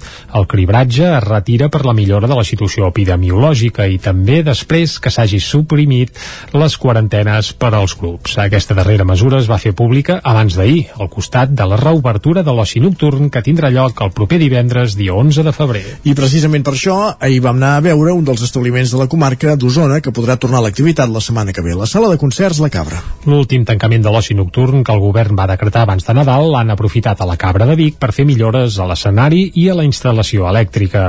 Amb la reobertura del sector, divendres de la setmana que ve, la Cabra recuperarà la programació de concerts en viu. Xevi Huguet ens n'avança alguns com a responsable de la sala. Justament obrim el dia d'Agua Bendita, ben a Agua Bendita el dia 11 de febrer amb Discòrdia, que és un grup d'aquí a Sant Hipòlit, el dia 12 portem els Amics de les Arts, i a partir de llavors cada setmana concerts, sí, sí, amb moltes ganes, eh? La història és que hem pogut mantenir una mica les dates, diversions, per exemple, no, poden, no s'allunyen molt, és a dir, al març tornen a venir, i ara sí que quasi, quasi cada setmana tenim, tenim concerts, que això és el bo. Fem presentació de Sixtus, vindrà l'Ildami, vindrà Buos, bueno, vindran, vindran forces grups. La tornada a l'activitat de bars de nit, discoteques i sales de concerts serà sense el certificat Covid, Covid, volem dir que sí que s'havia aplicat a la tardor i això ho va anunciar aquest dimarts el govern català 10 dies abans que sigui efectiu. D'aquesta manera, expliquen des de la Cabra, hi ha prou marge en el seu cas per preparar concerts, fer la publicitat i vendre entrades. L'actuació de l'executiu, aquesta vegada, la veuen adequada. Les crítiques per les mesures preses anteriorment, però, també hi són. Escoltem a Xavi Huguet els primers que volien vigilar els usuaris que tinguessin el seva, no? que, que fos segur un espai segur de Covid eren nosaltres clar que tot això a un, quan ha passat tot això et tornin a tancar a cap de 3 mesos tornem a tancar, però a més a més el dia abans, clar, és, eh, a més sense cap mena d'ajuda econòmica, ni tan sols ens han informat ni comunicat res el dia abans que van tancar, no ens van comunicar res, ni a FECASAR, ni a cap, ni a cap mena de sindicat, ni, ni d'associació organitzada de l'oci nocturn. Per tant, evidentment exclosos, i, i bueno, jo m'atreviria a dir insultats no, però és molt, és molt trist és molt trist perquè d'aquí depenem molta gent que tenim fills i tenim famílies i han de menjar bàsicament això, és una feina com una altra L'oci nocturn ha estat tancat durant bona part de la pandèmia, que va arrencar, recordem-ho ja, mitjans de març de 2020. El termini més llarg de funcionament des de l'arribada de la Covid va ser de dos mesos i mig, quan van estar oberts entre l'octubre i el desembre de l'any passat. La colla dels castellers de Caldes de Montbui ha renovat càrrecs a l'última Assemblea General amb la darrera campanya de difusió que han fet l'Escola de Castells, la colla ha crescut i volen anar recuperant la normalitat. Caral Campàs, des d'Ona Codinenca.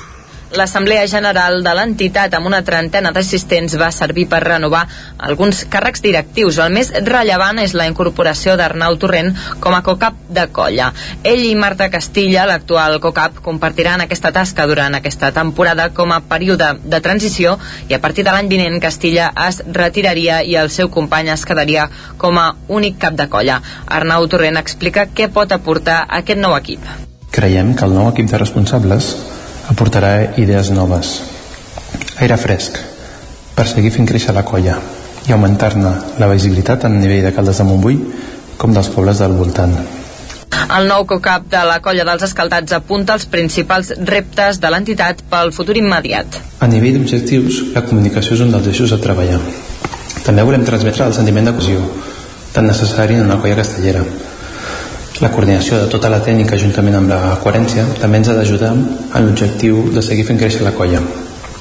Els reptes que tenim per aquest any són molts. Volem que la pinya guanyi en importància, en professionalització, i caldrà treballar-hi perquè la pandèmia ens ha privat de quasi dos anys de, de pinyes.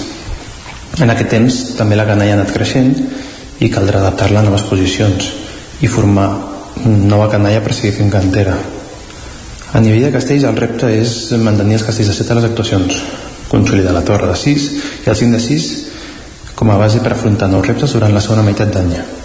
D'altra banda, Didac Mayol, president, les últimes tres temporades va renovar per dues temporades més i va haver canvis en altres tasques com la de secretaria i tresoreria ara a càrrec de Núria Sule i Raquel Almazán respectivament.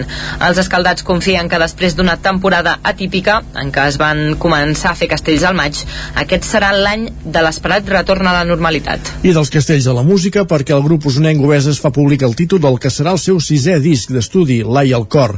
L'àlbum es publicarà progressivament al llarg de l'any i les primeres peces es podran escoltar ja al primer concert de la gira, que es farà el 25 de març a l'Atlàntida de Vic. El grup de pop-rock usonenc Obeses ha fet públic el títol del seu sisè disc d'estudi, que es titularà això, L'Ai al cor.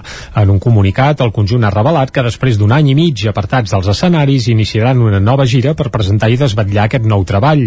La nova entrega del grup serà un disc per fascicles, de manera que no hi haurà una data concreta de llançament de l'àlbum, sinó que el públic anirà coneixent els nous temes al llarg de l'any. Amb aquest llançament de l'Ai al cor, el grup que formen Arnau Tordera, Maiol Montaner, Jaume Coll i Arnau Bordó explica que vol posar en valor l'exploració de noves formes expressives, noves estètiques i nous conceptes. Els primers concerts confirmats de la nova gira seran el dia 25 de març a l'Atlàntida de Vic i l'1 de maig al Teatre de Bescanó al Gironès. Univers Jordi Cano, aquest és el nom de l'exposició que a partir de divendres es podrà veure al Centre d'Arts Contemporànies H. Vic. Es tracta d'una mostra que reflecteix les grans passions de l'autor, mort l'abril de 2020 a causa de la Covid-19. L'exposició s'inaugurarà aquest divendres a l'ACVIC en homenatge al pintor, dissenyador i pedagog biguetà mort l'abril del 2020 a causa del coronavirus. En el paper de comissària de la mostra, una de les amigues més properes de Cano, la crítica d'art Glòria Picazo, assegura que més que una exposició es tracta d'una aula de creació que reflecteix un univers basat en els referents i les grans passions de l'autor, des del cinema a l'obra de la coreògrafa Pina Bausch, passant també per la mitologia infantil. Glòria Picazo. La meva preocupació era com, com construir aquest món i com d'alguna manera des de, des de la proximitat de, amb, amb l'artista amb l'amic, primer posaré l'amic amb l'amic, amb l'artista i amb el pedagog, no? com construir aquest univers jordicano que l'exposició està ple d'anècdotes no?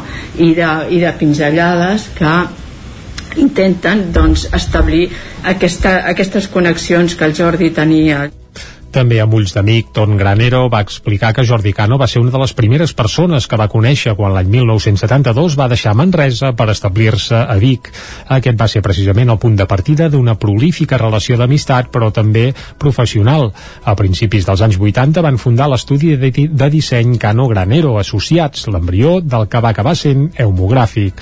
Granero destacava una part de Cano que també queda reflectida a la mostra, la seva faceta de pedagog. En Jordi va treballar molts anys com a professor a l'ISABA, Escola d'Art i Disseny de, que ara està vinculada a la Universitat de Vic a Barcelona també a la Universitat Pompeu Fabra màsters i postgraus i, en fi eh, com, com tot va, va, va, posar-hi una passió en tot el que es proposava i dedicava molta passió, molta energia eh, en fi, era un obsés de la, de la feina de, del concepte d'alimentar-se de, de quantitat d'inputs, etc. Jordi va crear mètodes de, de, de cara als alumnes per crear sobretot directors d'art etc però bueno, va estar fent classes a Sud-amèrica moltes vegades en fi, va assistir a infinitat de congressos fer un personatge d'una potència excepcional la mostra Univers Jordi Cano es podrà veure a l'ACVIC fins al 23 d'abril i ha comptat amb el suport de la Universitat de Vic, Universitat Central de Catalunya. Gràcies, Jordi. Acabem aquí aquest repàs informatiu que començàvem a les 11 i un minut en companyia de Jordi Sunyer, que era el campàs, Núria Lázaro i Isaac Muntades. Tot seguit anem cap al territori sostenible.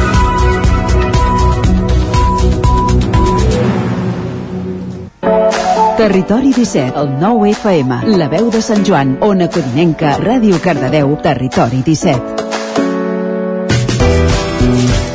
I el territori sostenible amb Jordi Givert quan, passa, quan és un quart de 12 del matí i avui parlant d'una app, d'una aplicació sobre el consum d'energia de Som Energia.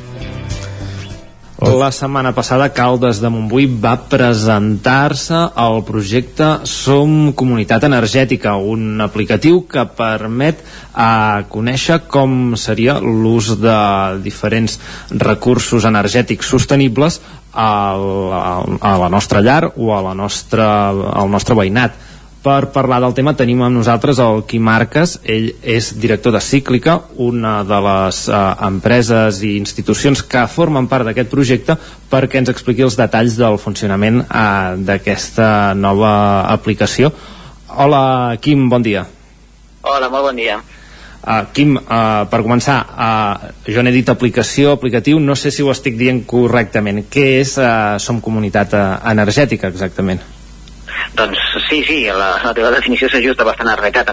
És, és una plataforma digital eh, que podria considerar-se, per tant, també una, una aplicació que està disponible des de la setmana passada a tota, per tot Catalunya, eh, amb informació per tot Catalunya, en la qual qualsevol persona eh, que tingui que, que visqui no, al nostre territori pot descobrir quin és el potencial eh, per instal·lar panells fotovoltaics a la seva coberta i saber fins a quin punt l'energia que ell consumeix a casa pot ser d'origen renovable i al mateix temps eh, descobrir una cosa encara més interessant que és si no fa sol sinó que ho pots fer amb els seus veïns i les seves veïnes formant una comunitat energètica i com aquesta doncs, els pot proveir d'una part important de l'energia l'energia que necessiten a, a les seves llars. Clar, com, com, teniu a les, com obteniu aquestes dades per fer aquesta simulació? Perquè en el fons eh, és una, és una previsió, no?, el, el que vosaltres eh, presenteu als usuaris que utilitzin eh, aquest aplicatiu.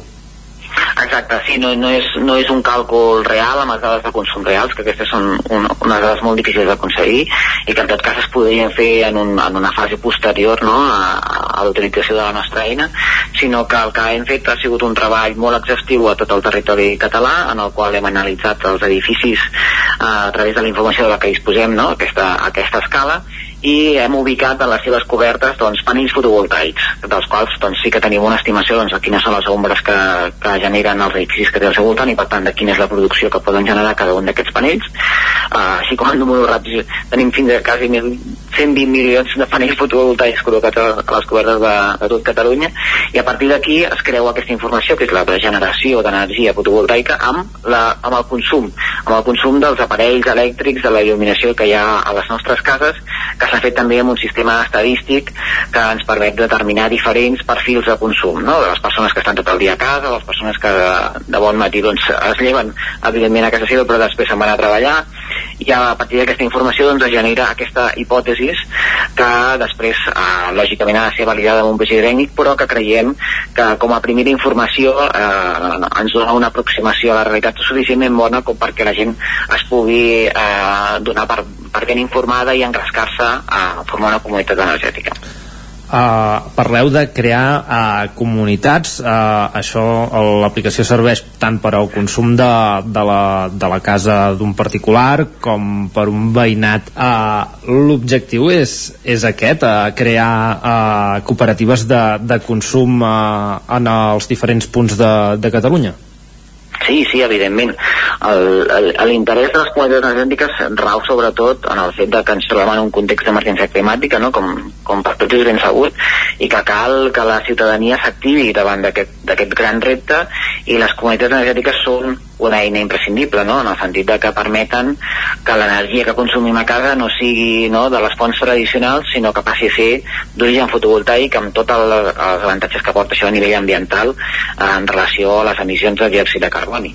Uh, I aquest ha de ser un, un procés que, que hauria d'estar a la, a la mà de tothom i per tant que es pugui replicar de Catalunya. L'objectiu de la plataforma és que aquesta informació arribi a tothom i que la puguem engegar al màxim de nombre de comunitats energètiques en el nostre territori, que poden ser, com tu dius, en forma de, de cooperativa, no?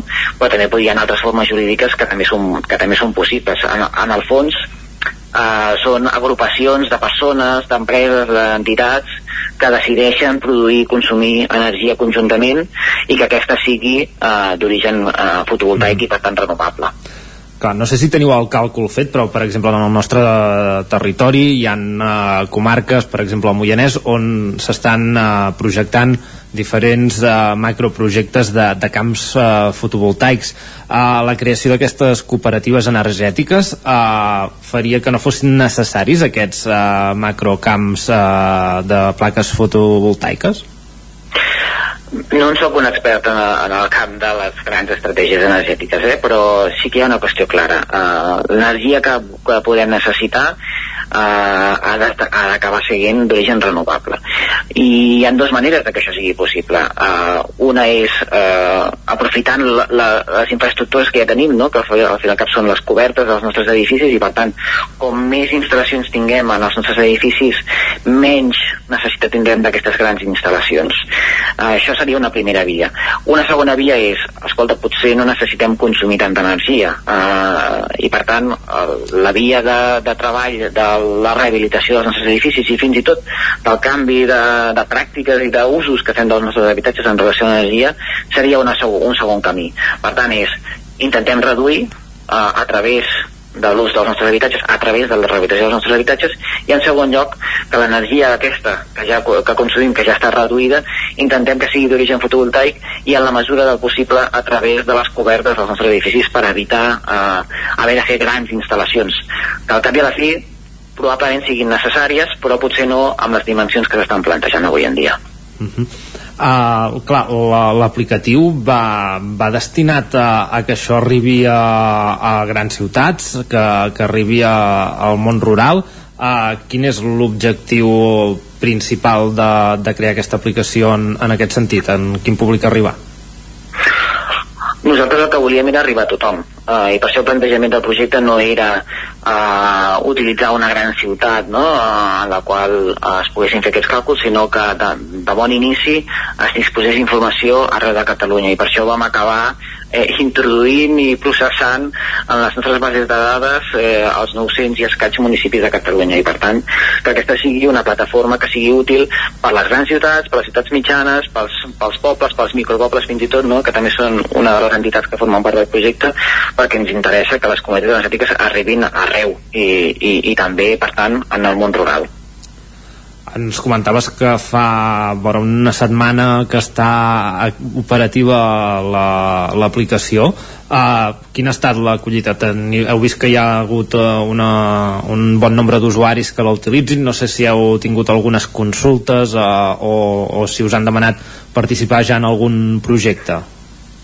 Sí, sí, ens han arribat consultes i, i, i hem anat registrant també usuaris des del dijous passat que està oberta.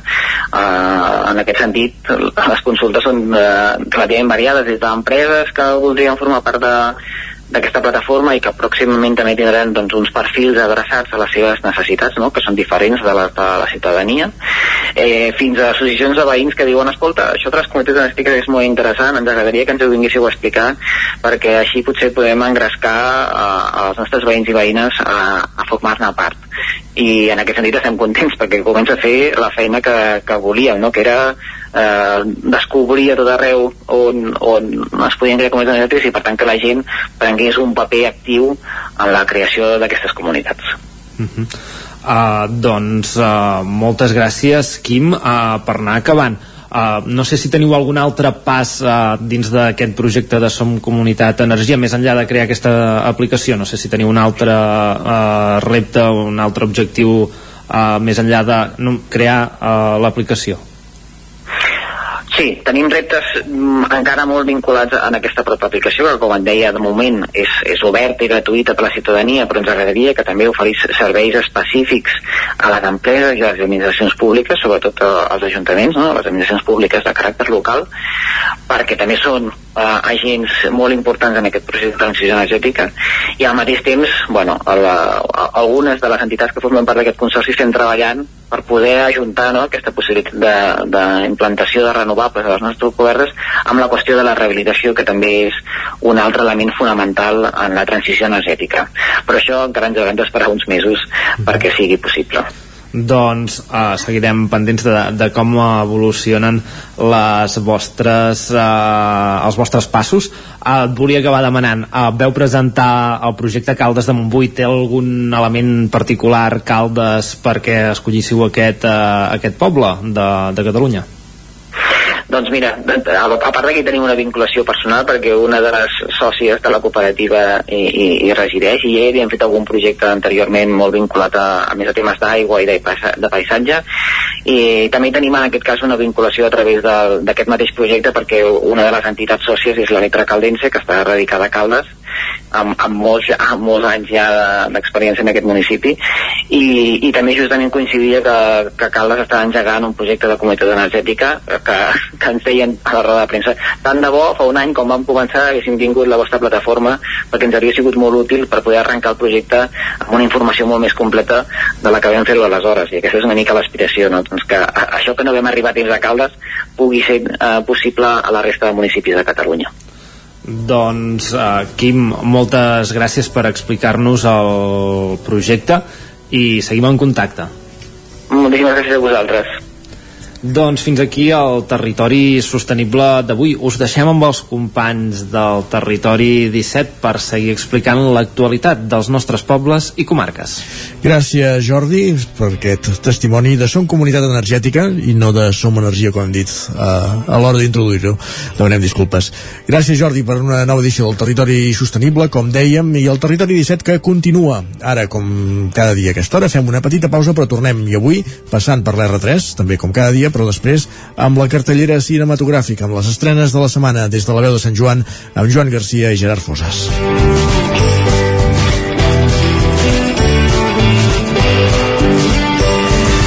El nou FM, la ràdio de casa, al 92.8. Mmm, quan fa que no menges pluma ibèrica de Salamanca i xuletilles de lechal a la brasa amb una bona amanida? Oh, i un xuletón de vedella gallega? O lechazo de Castilla al forn? Ah, i botillo del Bierzo amb cachelos i col? Ei, i cochinillo a l'estil de Segovia, i tot acompanyat d'un bon celler. Oh, i uns bons serranitos de pollastre, de llom, de burguesa, del que tu vulguis. Per menjar la millor cuina de Lleó sense moure't de casa, vine a El Racó de León Fem cuina tradicional llaonesa i de mercat. Vine amb la família, amb els amics, amb la parella o sol. T'encantarà. El racó de León. Som al carrer Torelló 35 de Vic. Reserves 93 889 1950. Tanquem els dimarts. El racó de León. Vine a tastar una cuina diferent. Del 8 al 13 de febrer arriba el 24è Cau de Bruixes de Centelles, una festa per tots els públics que gira al voltant de la tradició de les bruixes, l'esoterisme o la màgia, amb espectacles al carrer, un mercat màgic, conferències, música i tallers. Vine a descobrir qui és la nova bruixa de l'any al Cau de Bruixes de Centelles. Més informació a centelles.cat barra Cau de Bruixes. A Catalunya volem fer una economia intel·ligent, digital i emprenedora, que permeti reduir el període mitjà de pagament a proveïdors i situar-lo dins el termini de 30 dies. És l'hora que entre tothom fem la Catalunya que volem. Fem-ho bé, fem-ho tot, fem-ho possible. Generalitat de Catalunya. Cefusol, centre de formació de soldadura GURB. Som especialistes en processos de soldadura. Disposem d'instal·lacions totalment equipades per classes de teòrica i pràctica amb cabines individuals i equipaments de seguretat. Assessorem empreses i oferim cursos subvencionats i bonificats. Vine i t'informarem. Cefusol, som al carrer Sant Roc número 9 de GURB. Telèfon 664 206 192. També ens trobaràs a cefusol.com i a YouTube. A la rostisseria El Plat ens agrada la cuina de sempre, la de les àvies i de les mares. La cuina feta amb paciència com s'ha fet tota la vida. Vine a provar els nostres canelons gruixuts o els croquetons, les nostres croquetes de 80 grams. I recupera el gust del pollastre a com els que es menjaven abans. Ah, i aprofita, fins a finals de febrer, 20% de descompte en els canelons i el pollastre. Rostisseria El Plat, encàrrecs fins a les 12 del migdia i servei a domicili. Ens trobaràs de dijous a diumenge al carrer Església número 6 de Taradell o al 93 135 58 85. Anuncia't al 9FM. La màquina de casa. 9 3 8 8 9 4 9 4 9. Publicitat arroba al 9FM.cat. Anuncia't al 9FM. La publicitat més eficaç. El 9FM, el 9FM, el 9FM, el 9FM, el 9FM. Territori 17 A Tren d'Alba. Cada dia els usuaris de la línia R3 de Rodalies que veuen sortir el sol des d'un vagó ens expliquen les gràcies i les penes del primer comboi que uneix Ripoll i Barcelona. Benvinguts a Tren d'Alba. Avui penúltim capítol del novè aniversari de la plataforma perquè no ens fotin el tren. Ahir parlàvem d'alguns serveis perduts. Doncs la pèrdua d'aquests serveis van fer-nos adonar de la importància de posar més atenció en els treballs de desdoblament de la línia, que tot just comencen ara. Uns treballs que són molt necessaris, però que s'han de planificar de manera que tinguin el menor impacte possible en els usuaris i els serveis. Per això, a més de fer arribar una carta a tots els alcaldes de la línia perquè parin atenció a les afectacions que poden tenir a conseqüència de les obres del desdoblament, el col·lectiu va empènyer a territori perquè convoqués la comissió de seguiment de les obres de desdoblament de l'R3. La possible supressió del tren blanc els va mantenir actius fins a finals de desembre del 2021. Finalment, amb la denúncia inicial per part del col·lectiu, la queixa i el soroll a les xarxes i els mitjans de comunicació i la implicació dels polítics, es va aconseguir restablir aquest servei. Va, us deixo amb la crònica d'en Carles Bassaganya d'avui. Bon dia i bona hora.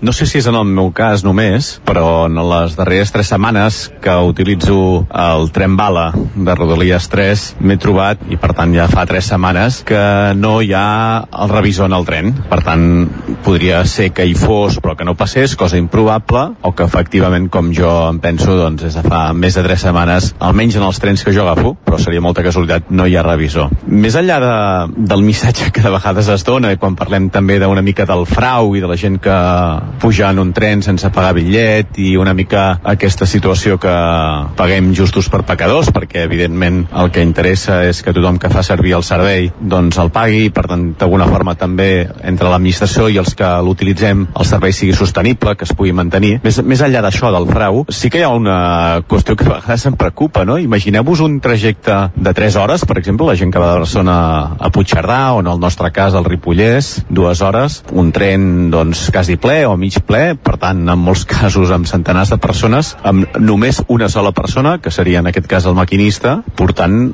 aquest tipus de vehicle.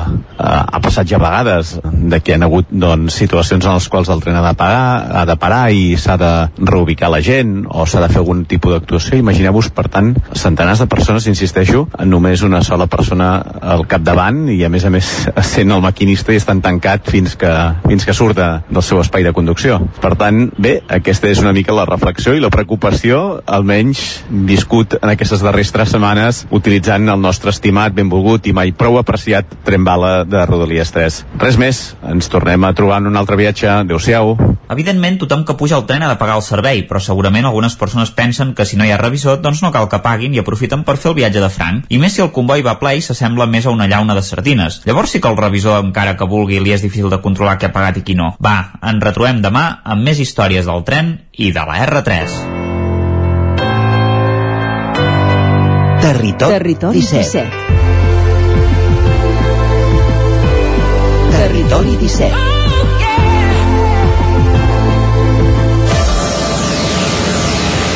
Tres minuts i mig que passen de dos quarts de dotze, anem al cinema amb Joan Garcia i Gerard Fosses des de la veu de Sant Joan i coneixem les estrenes de la setmana i la cartellera a les nostres comarques.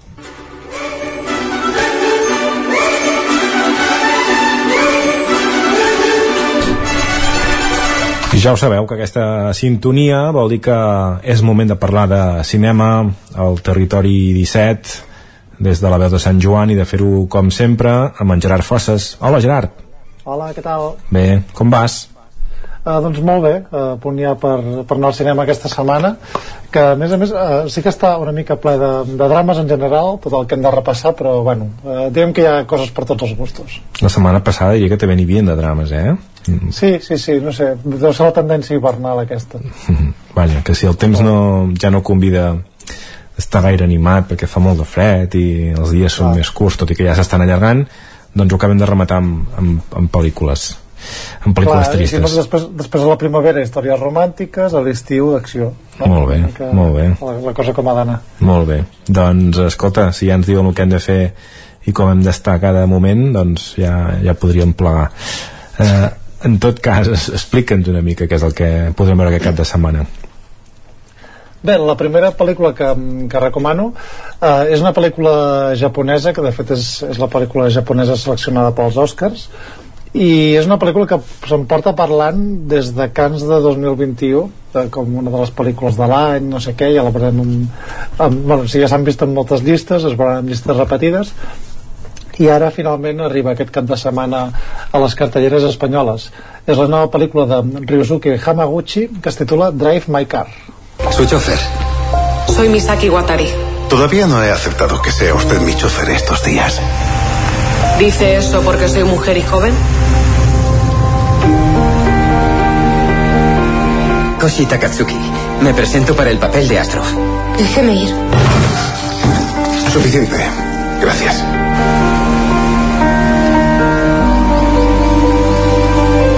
¿Puede poner el cassette, por favor? Sí. ¿Qué te pasa? Se te ve triste. ¿Es porque te sientes... ¿De quién es la voz? profesor? Molt bé, explica'ns una mica. A veure, aquesta és una pel·lícula basada en, un, en una història de, de Haruki Murakami que em sembla que va ser adaptada a teatre um, i, i diguem el plantejament és molt senzill el protagonista és un actor i, i director de, de teatre que, que ha tingut un, una tragèdia personal i, i tot i així doncs, de seguida doncs, s'embranca a muntar una, una nova obra que ha d'estrenar en un festival no?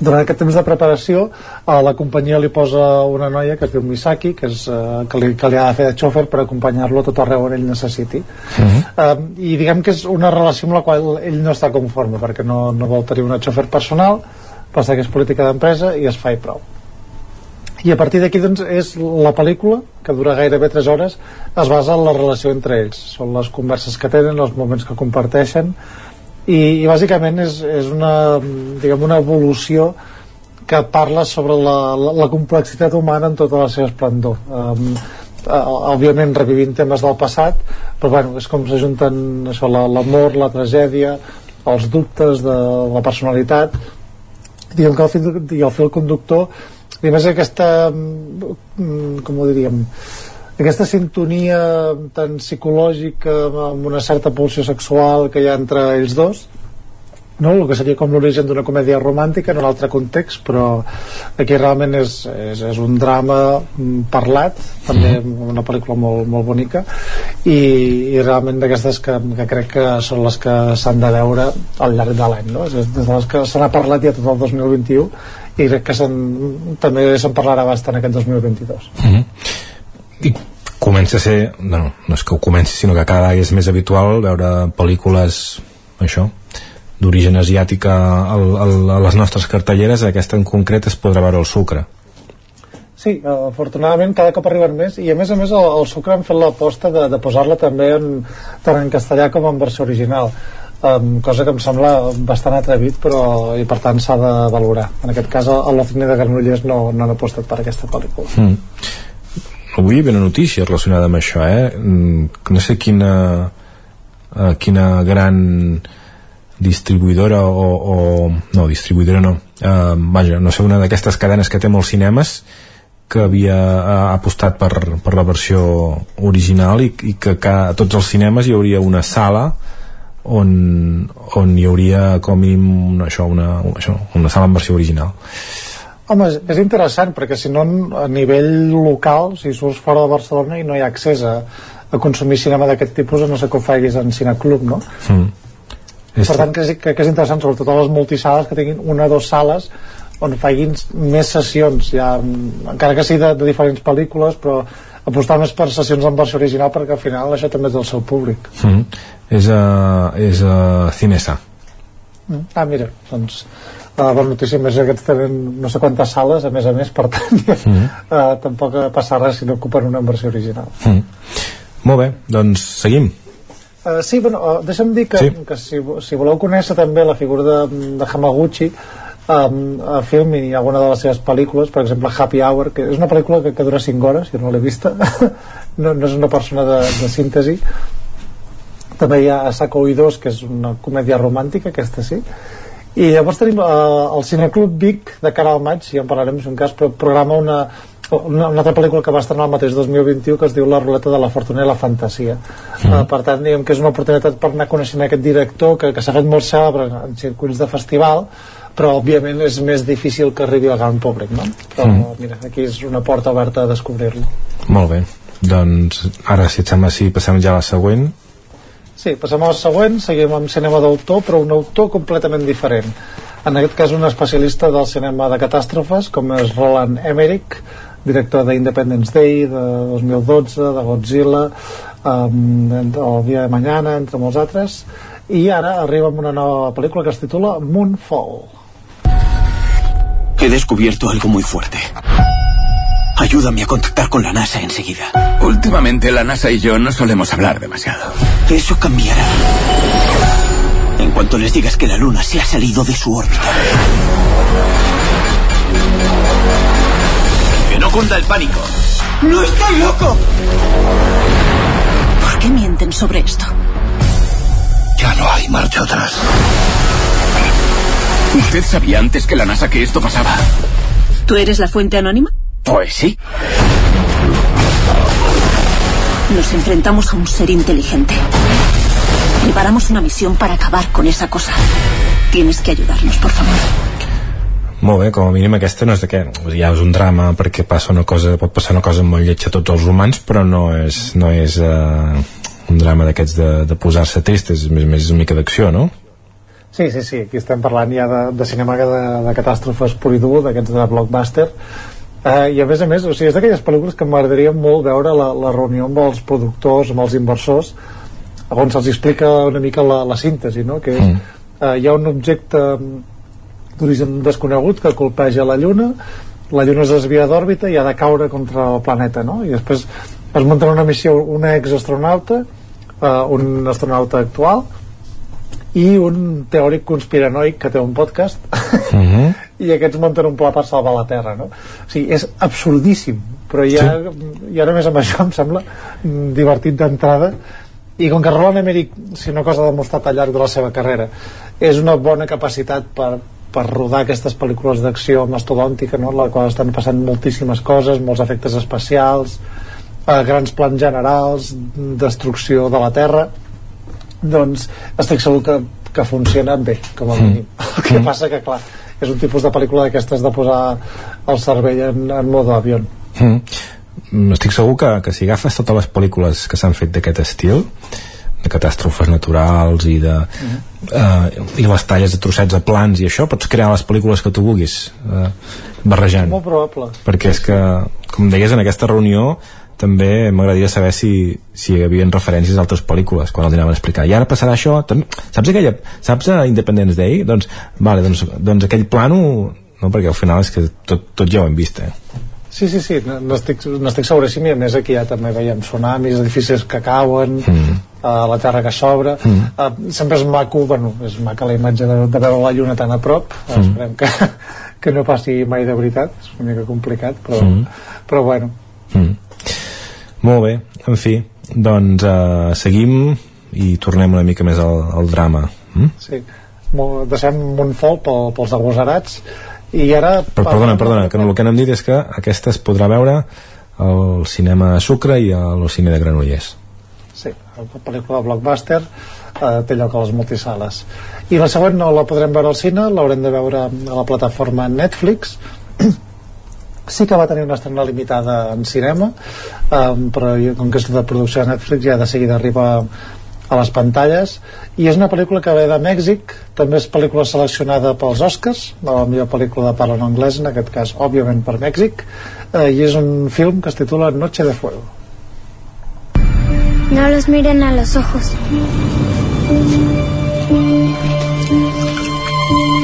Ma, ¿habló mi papá? No contesto Mañana le hablamos.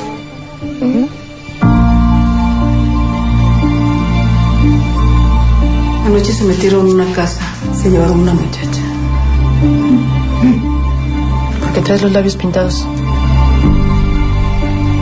Todos sabemos que ha sido un año difícil.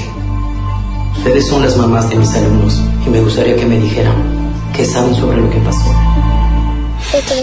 Molt bé, doncs uh, explica'ns. A veure, aquesta és una història d'amistat infantil en, en un context de, de violència. Bàsicament és una història com una comunitat sitiada doncs, lluita per, per tirar endavant, en aquest cas que perquè hi ha uns militars, eh, també segresten a gent, hi ha desaparicions, cosa que tristament passa molt a, a Mèxic.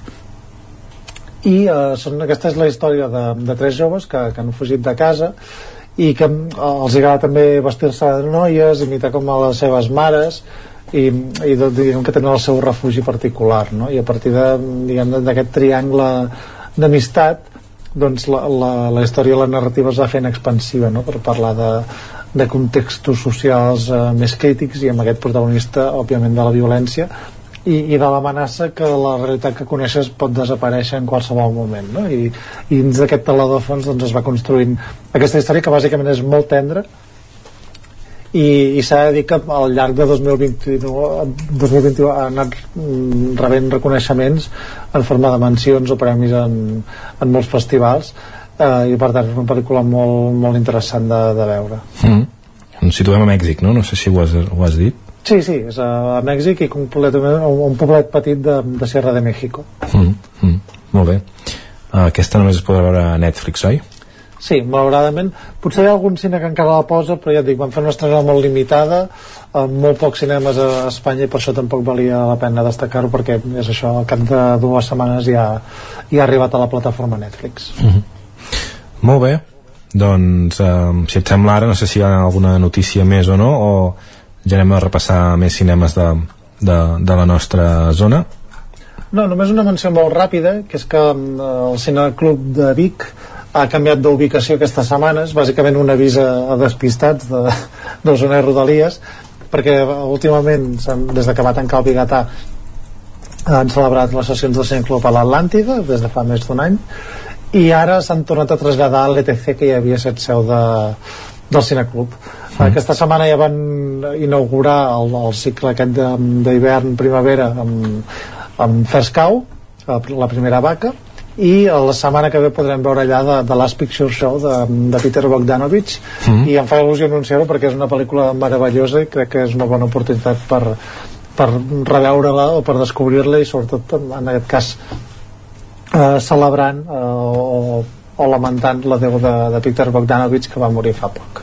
Molt bé, si voleu més informació ampliar aquesta que us hem donat el, el, el Territori 17 de dimarts eh, vam, vam parlar-ne també. Uh, i ara sí, seguim ja i fem un repàs. Uh, a l'Alter de Torelló Firscau, n'acabes de parlar. Sí, havíem canviat l'ordre, eh? hem començat per, per Torelló. Uh -huh. i, i posen efectivament First Cow, la fan uh, aquest dijous mateix uh, i és uh, aquest western de, de Kerry Reichardt que, que per mi és el, segurament el, el millor western o un dels dos millors westerns d'aquest any passat Um, se n'ha parlat molt del poder del perro, encara se'n parlarà més, però jo crec que aquest és especialment interessant. Uh, narra la història de, de dos amics, un, un cuiner americà i un immigrant xinès, que s'associen per, per, per fer un, un negoci de, de pastissos, no? i per això roba la llet d'una vaca, que és la primera vaca que arriba al territori d'un terratinent grec, uh, ric, perdó i a partir d'aquí, doncs, d'aquesta història d'amistat doncs, introdueixen el món del western d'una manera molt diferent però òbviament amb, el, amb els codis establerts no? sobre la masculinitat, sobre la violència sobre la civilització i el salvatge i és una pel·lícula molt, molt interessant i molt bonica molt bé seguim amb a l'Esbarjo de Cardedeu hi ha Delicioso. Sí, pel·lícula francesa que hem parlat també quan, quan es va estrenar. Eh, una pel·lícula sobre un, un xef que, que amb l'ajuda d'una dona que, que coneix que, que dona un gir a la seva vida eh, doncs obre un restaurant just a les portes de, de l'inici de, de la Revolució Francesa l'any 1789 Molt bé. Per cert, has canviat l'hora per acabar amb una pel·lícula especial? És possible, és possible. Molt bé, doncs anem fent camí. El Comtal de Ripoll, El Callejón de les Almas Perdides.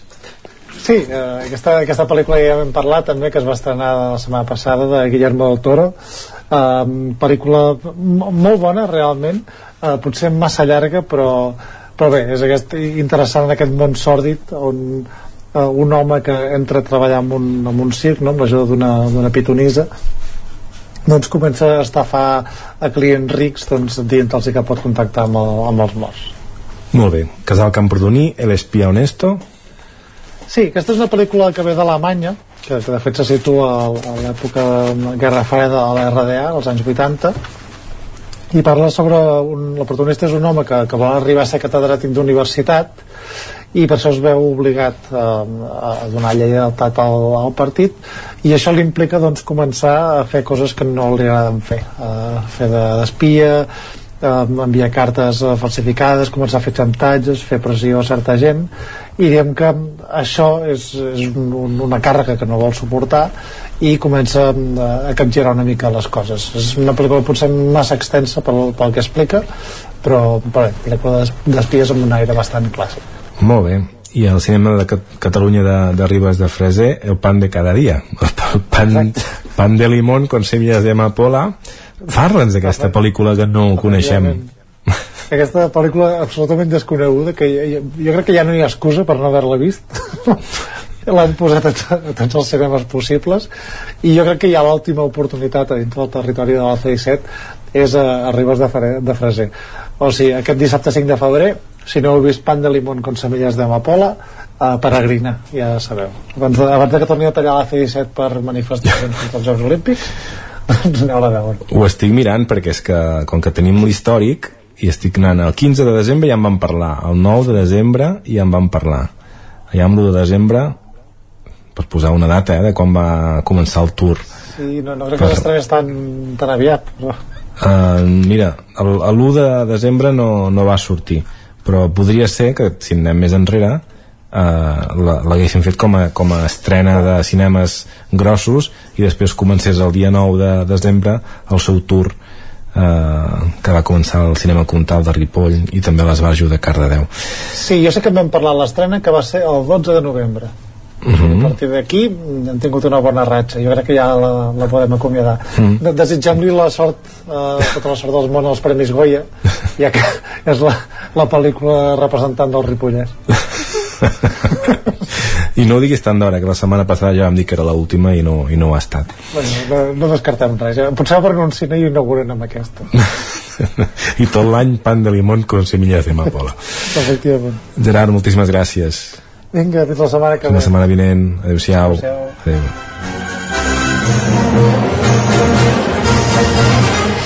Joan i Gerard, us repto encara una altra cosa, eh? A tastar el pan de limón con semillas de amapola i ens feu una explicació, una degustació de, de com ha anat l'experiència. Acabem aquí la secció cinematogràfica del Territori 17, que fem cada dijous, com sempre, com dèiem, des de l'hora de Sant Joan, amb Joan Garcia i amb Gerard Foses, i acabarem tot seguit el programa amb música. Ahir, quan fèiem el repàs a l'agenda cultural del cap de setmana, l'Òscar Muñoz, des de Ràdio Televisió Cardedeu, ens explicava, per exemple, que dissabte a la nau veu de Granollers hi actuava Albert Lax. Amb Albert Lax, ara continua el territori 17 i amb aquesta cançó, Fred. Canvia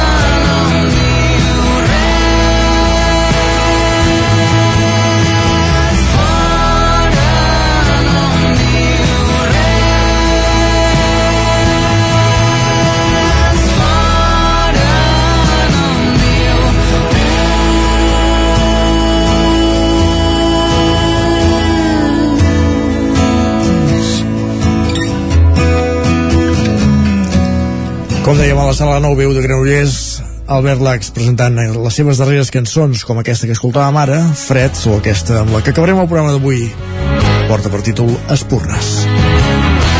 Això serà dissabte, aquest concert, del qual doncs, us avancem algunes de les cançons d'aquest artista, Albert Lax.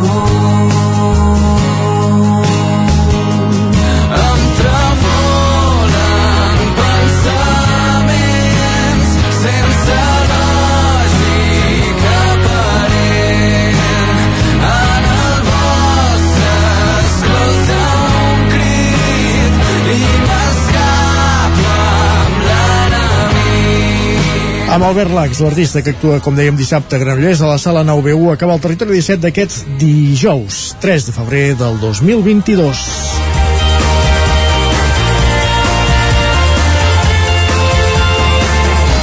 Un programa que ha començat a les 9 del matí i des d'aquesta hora us hem estat fent companyia.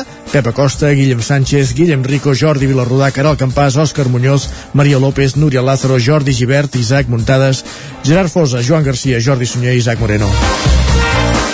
I tornem demà a la mateixa hora. A partir de les 9 serem aquí. Bon dia. Territori 17, un magazín del nou FM. La veu de Sant Joan, Ona Codinenca i Ràdio Cardedeu amb el suport de la xarxa. el nou FM.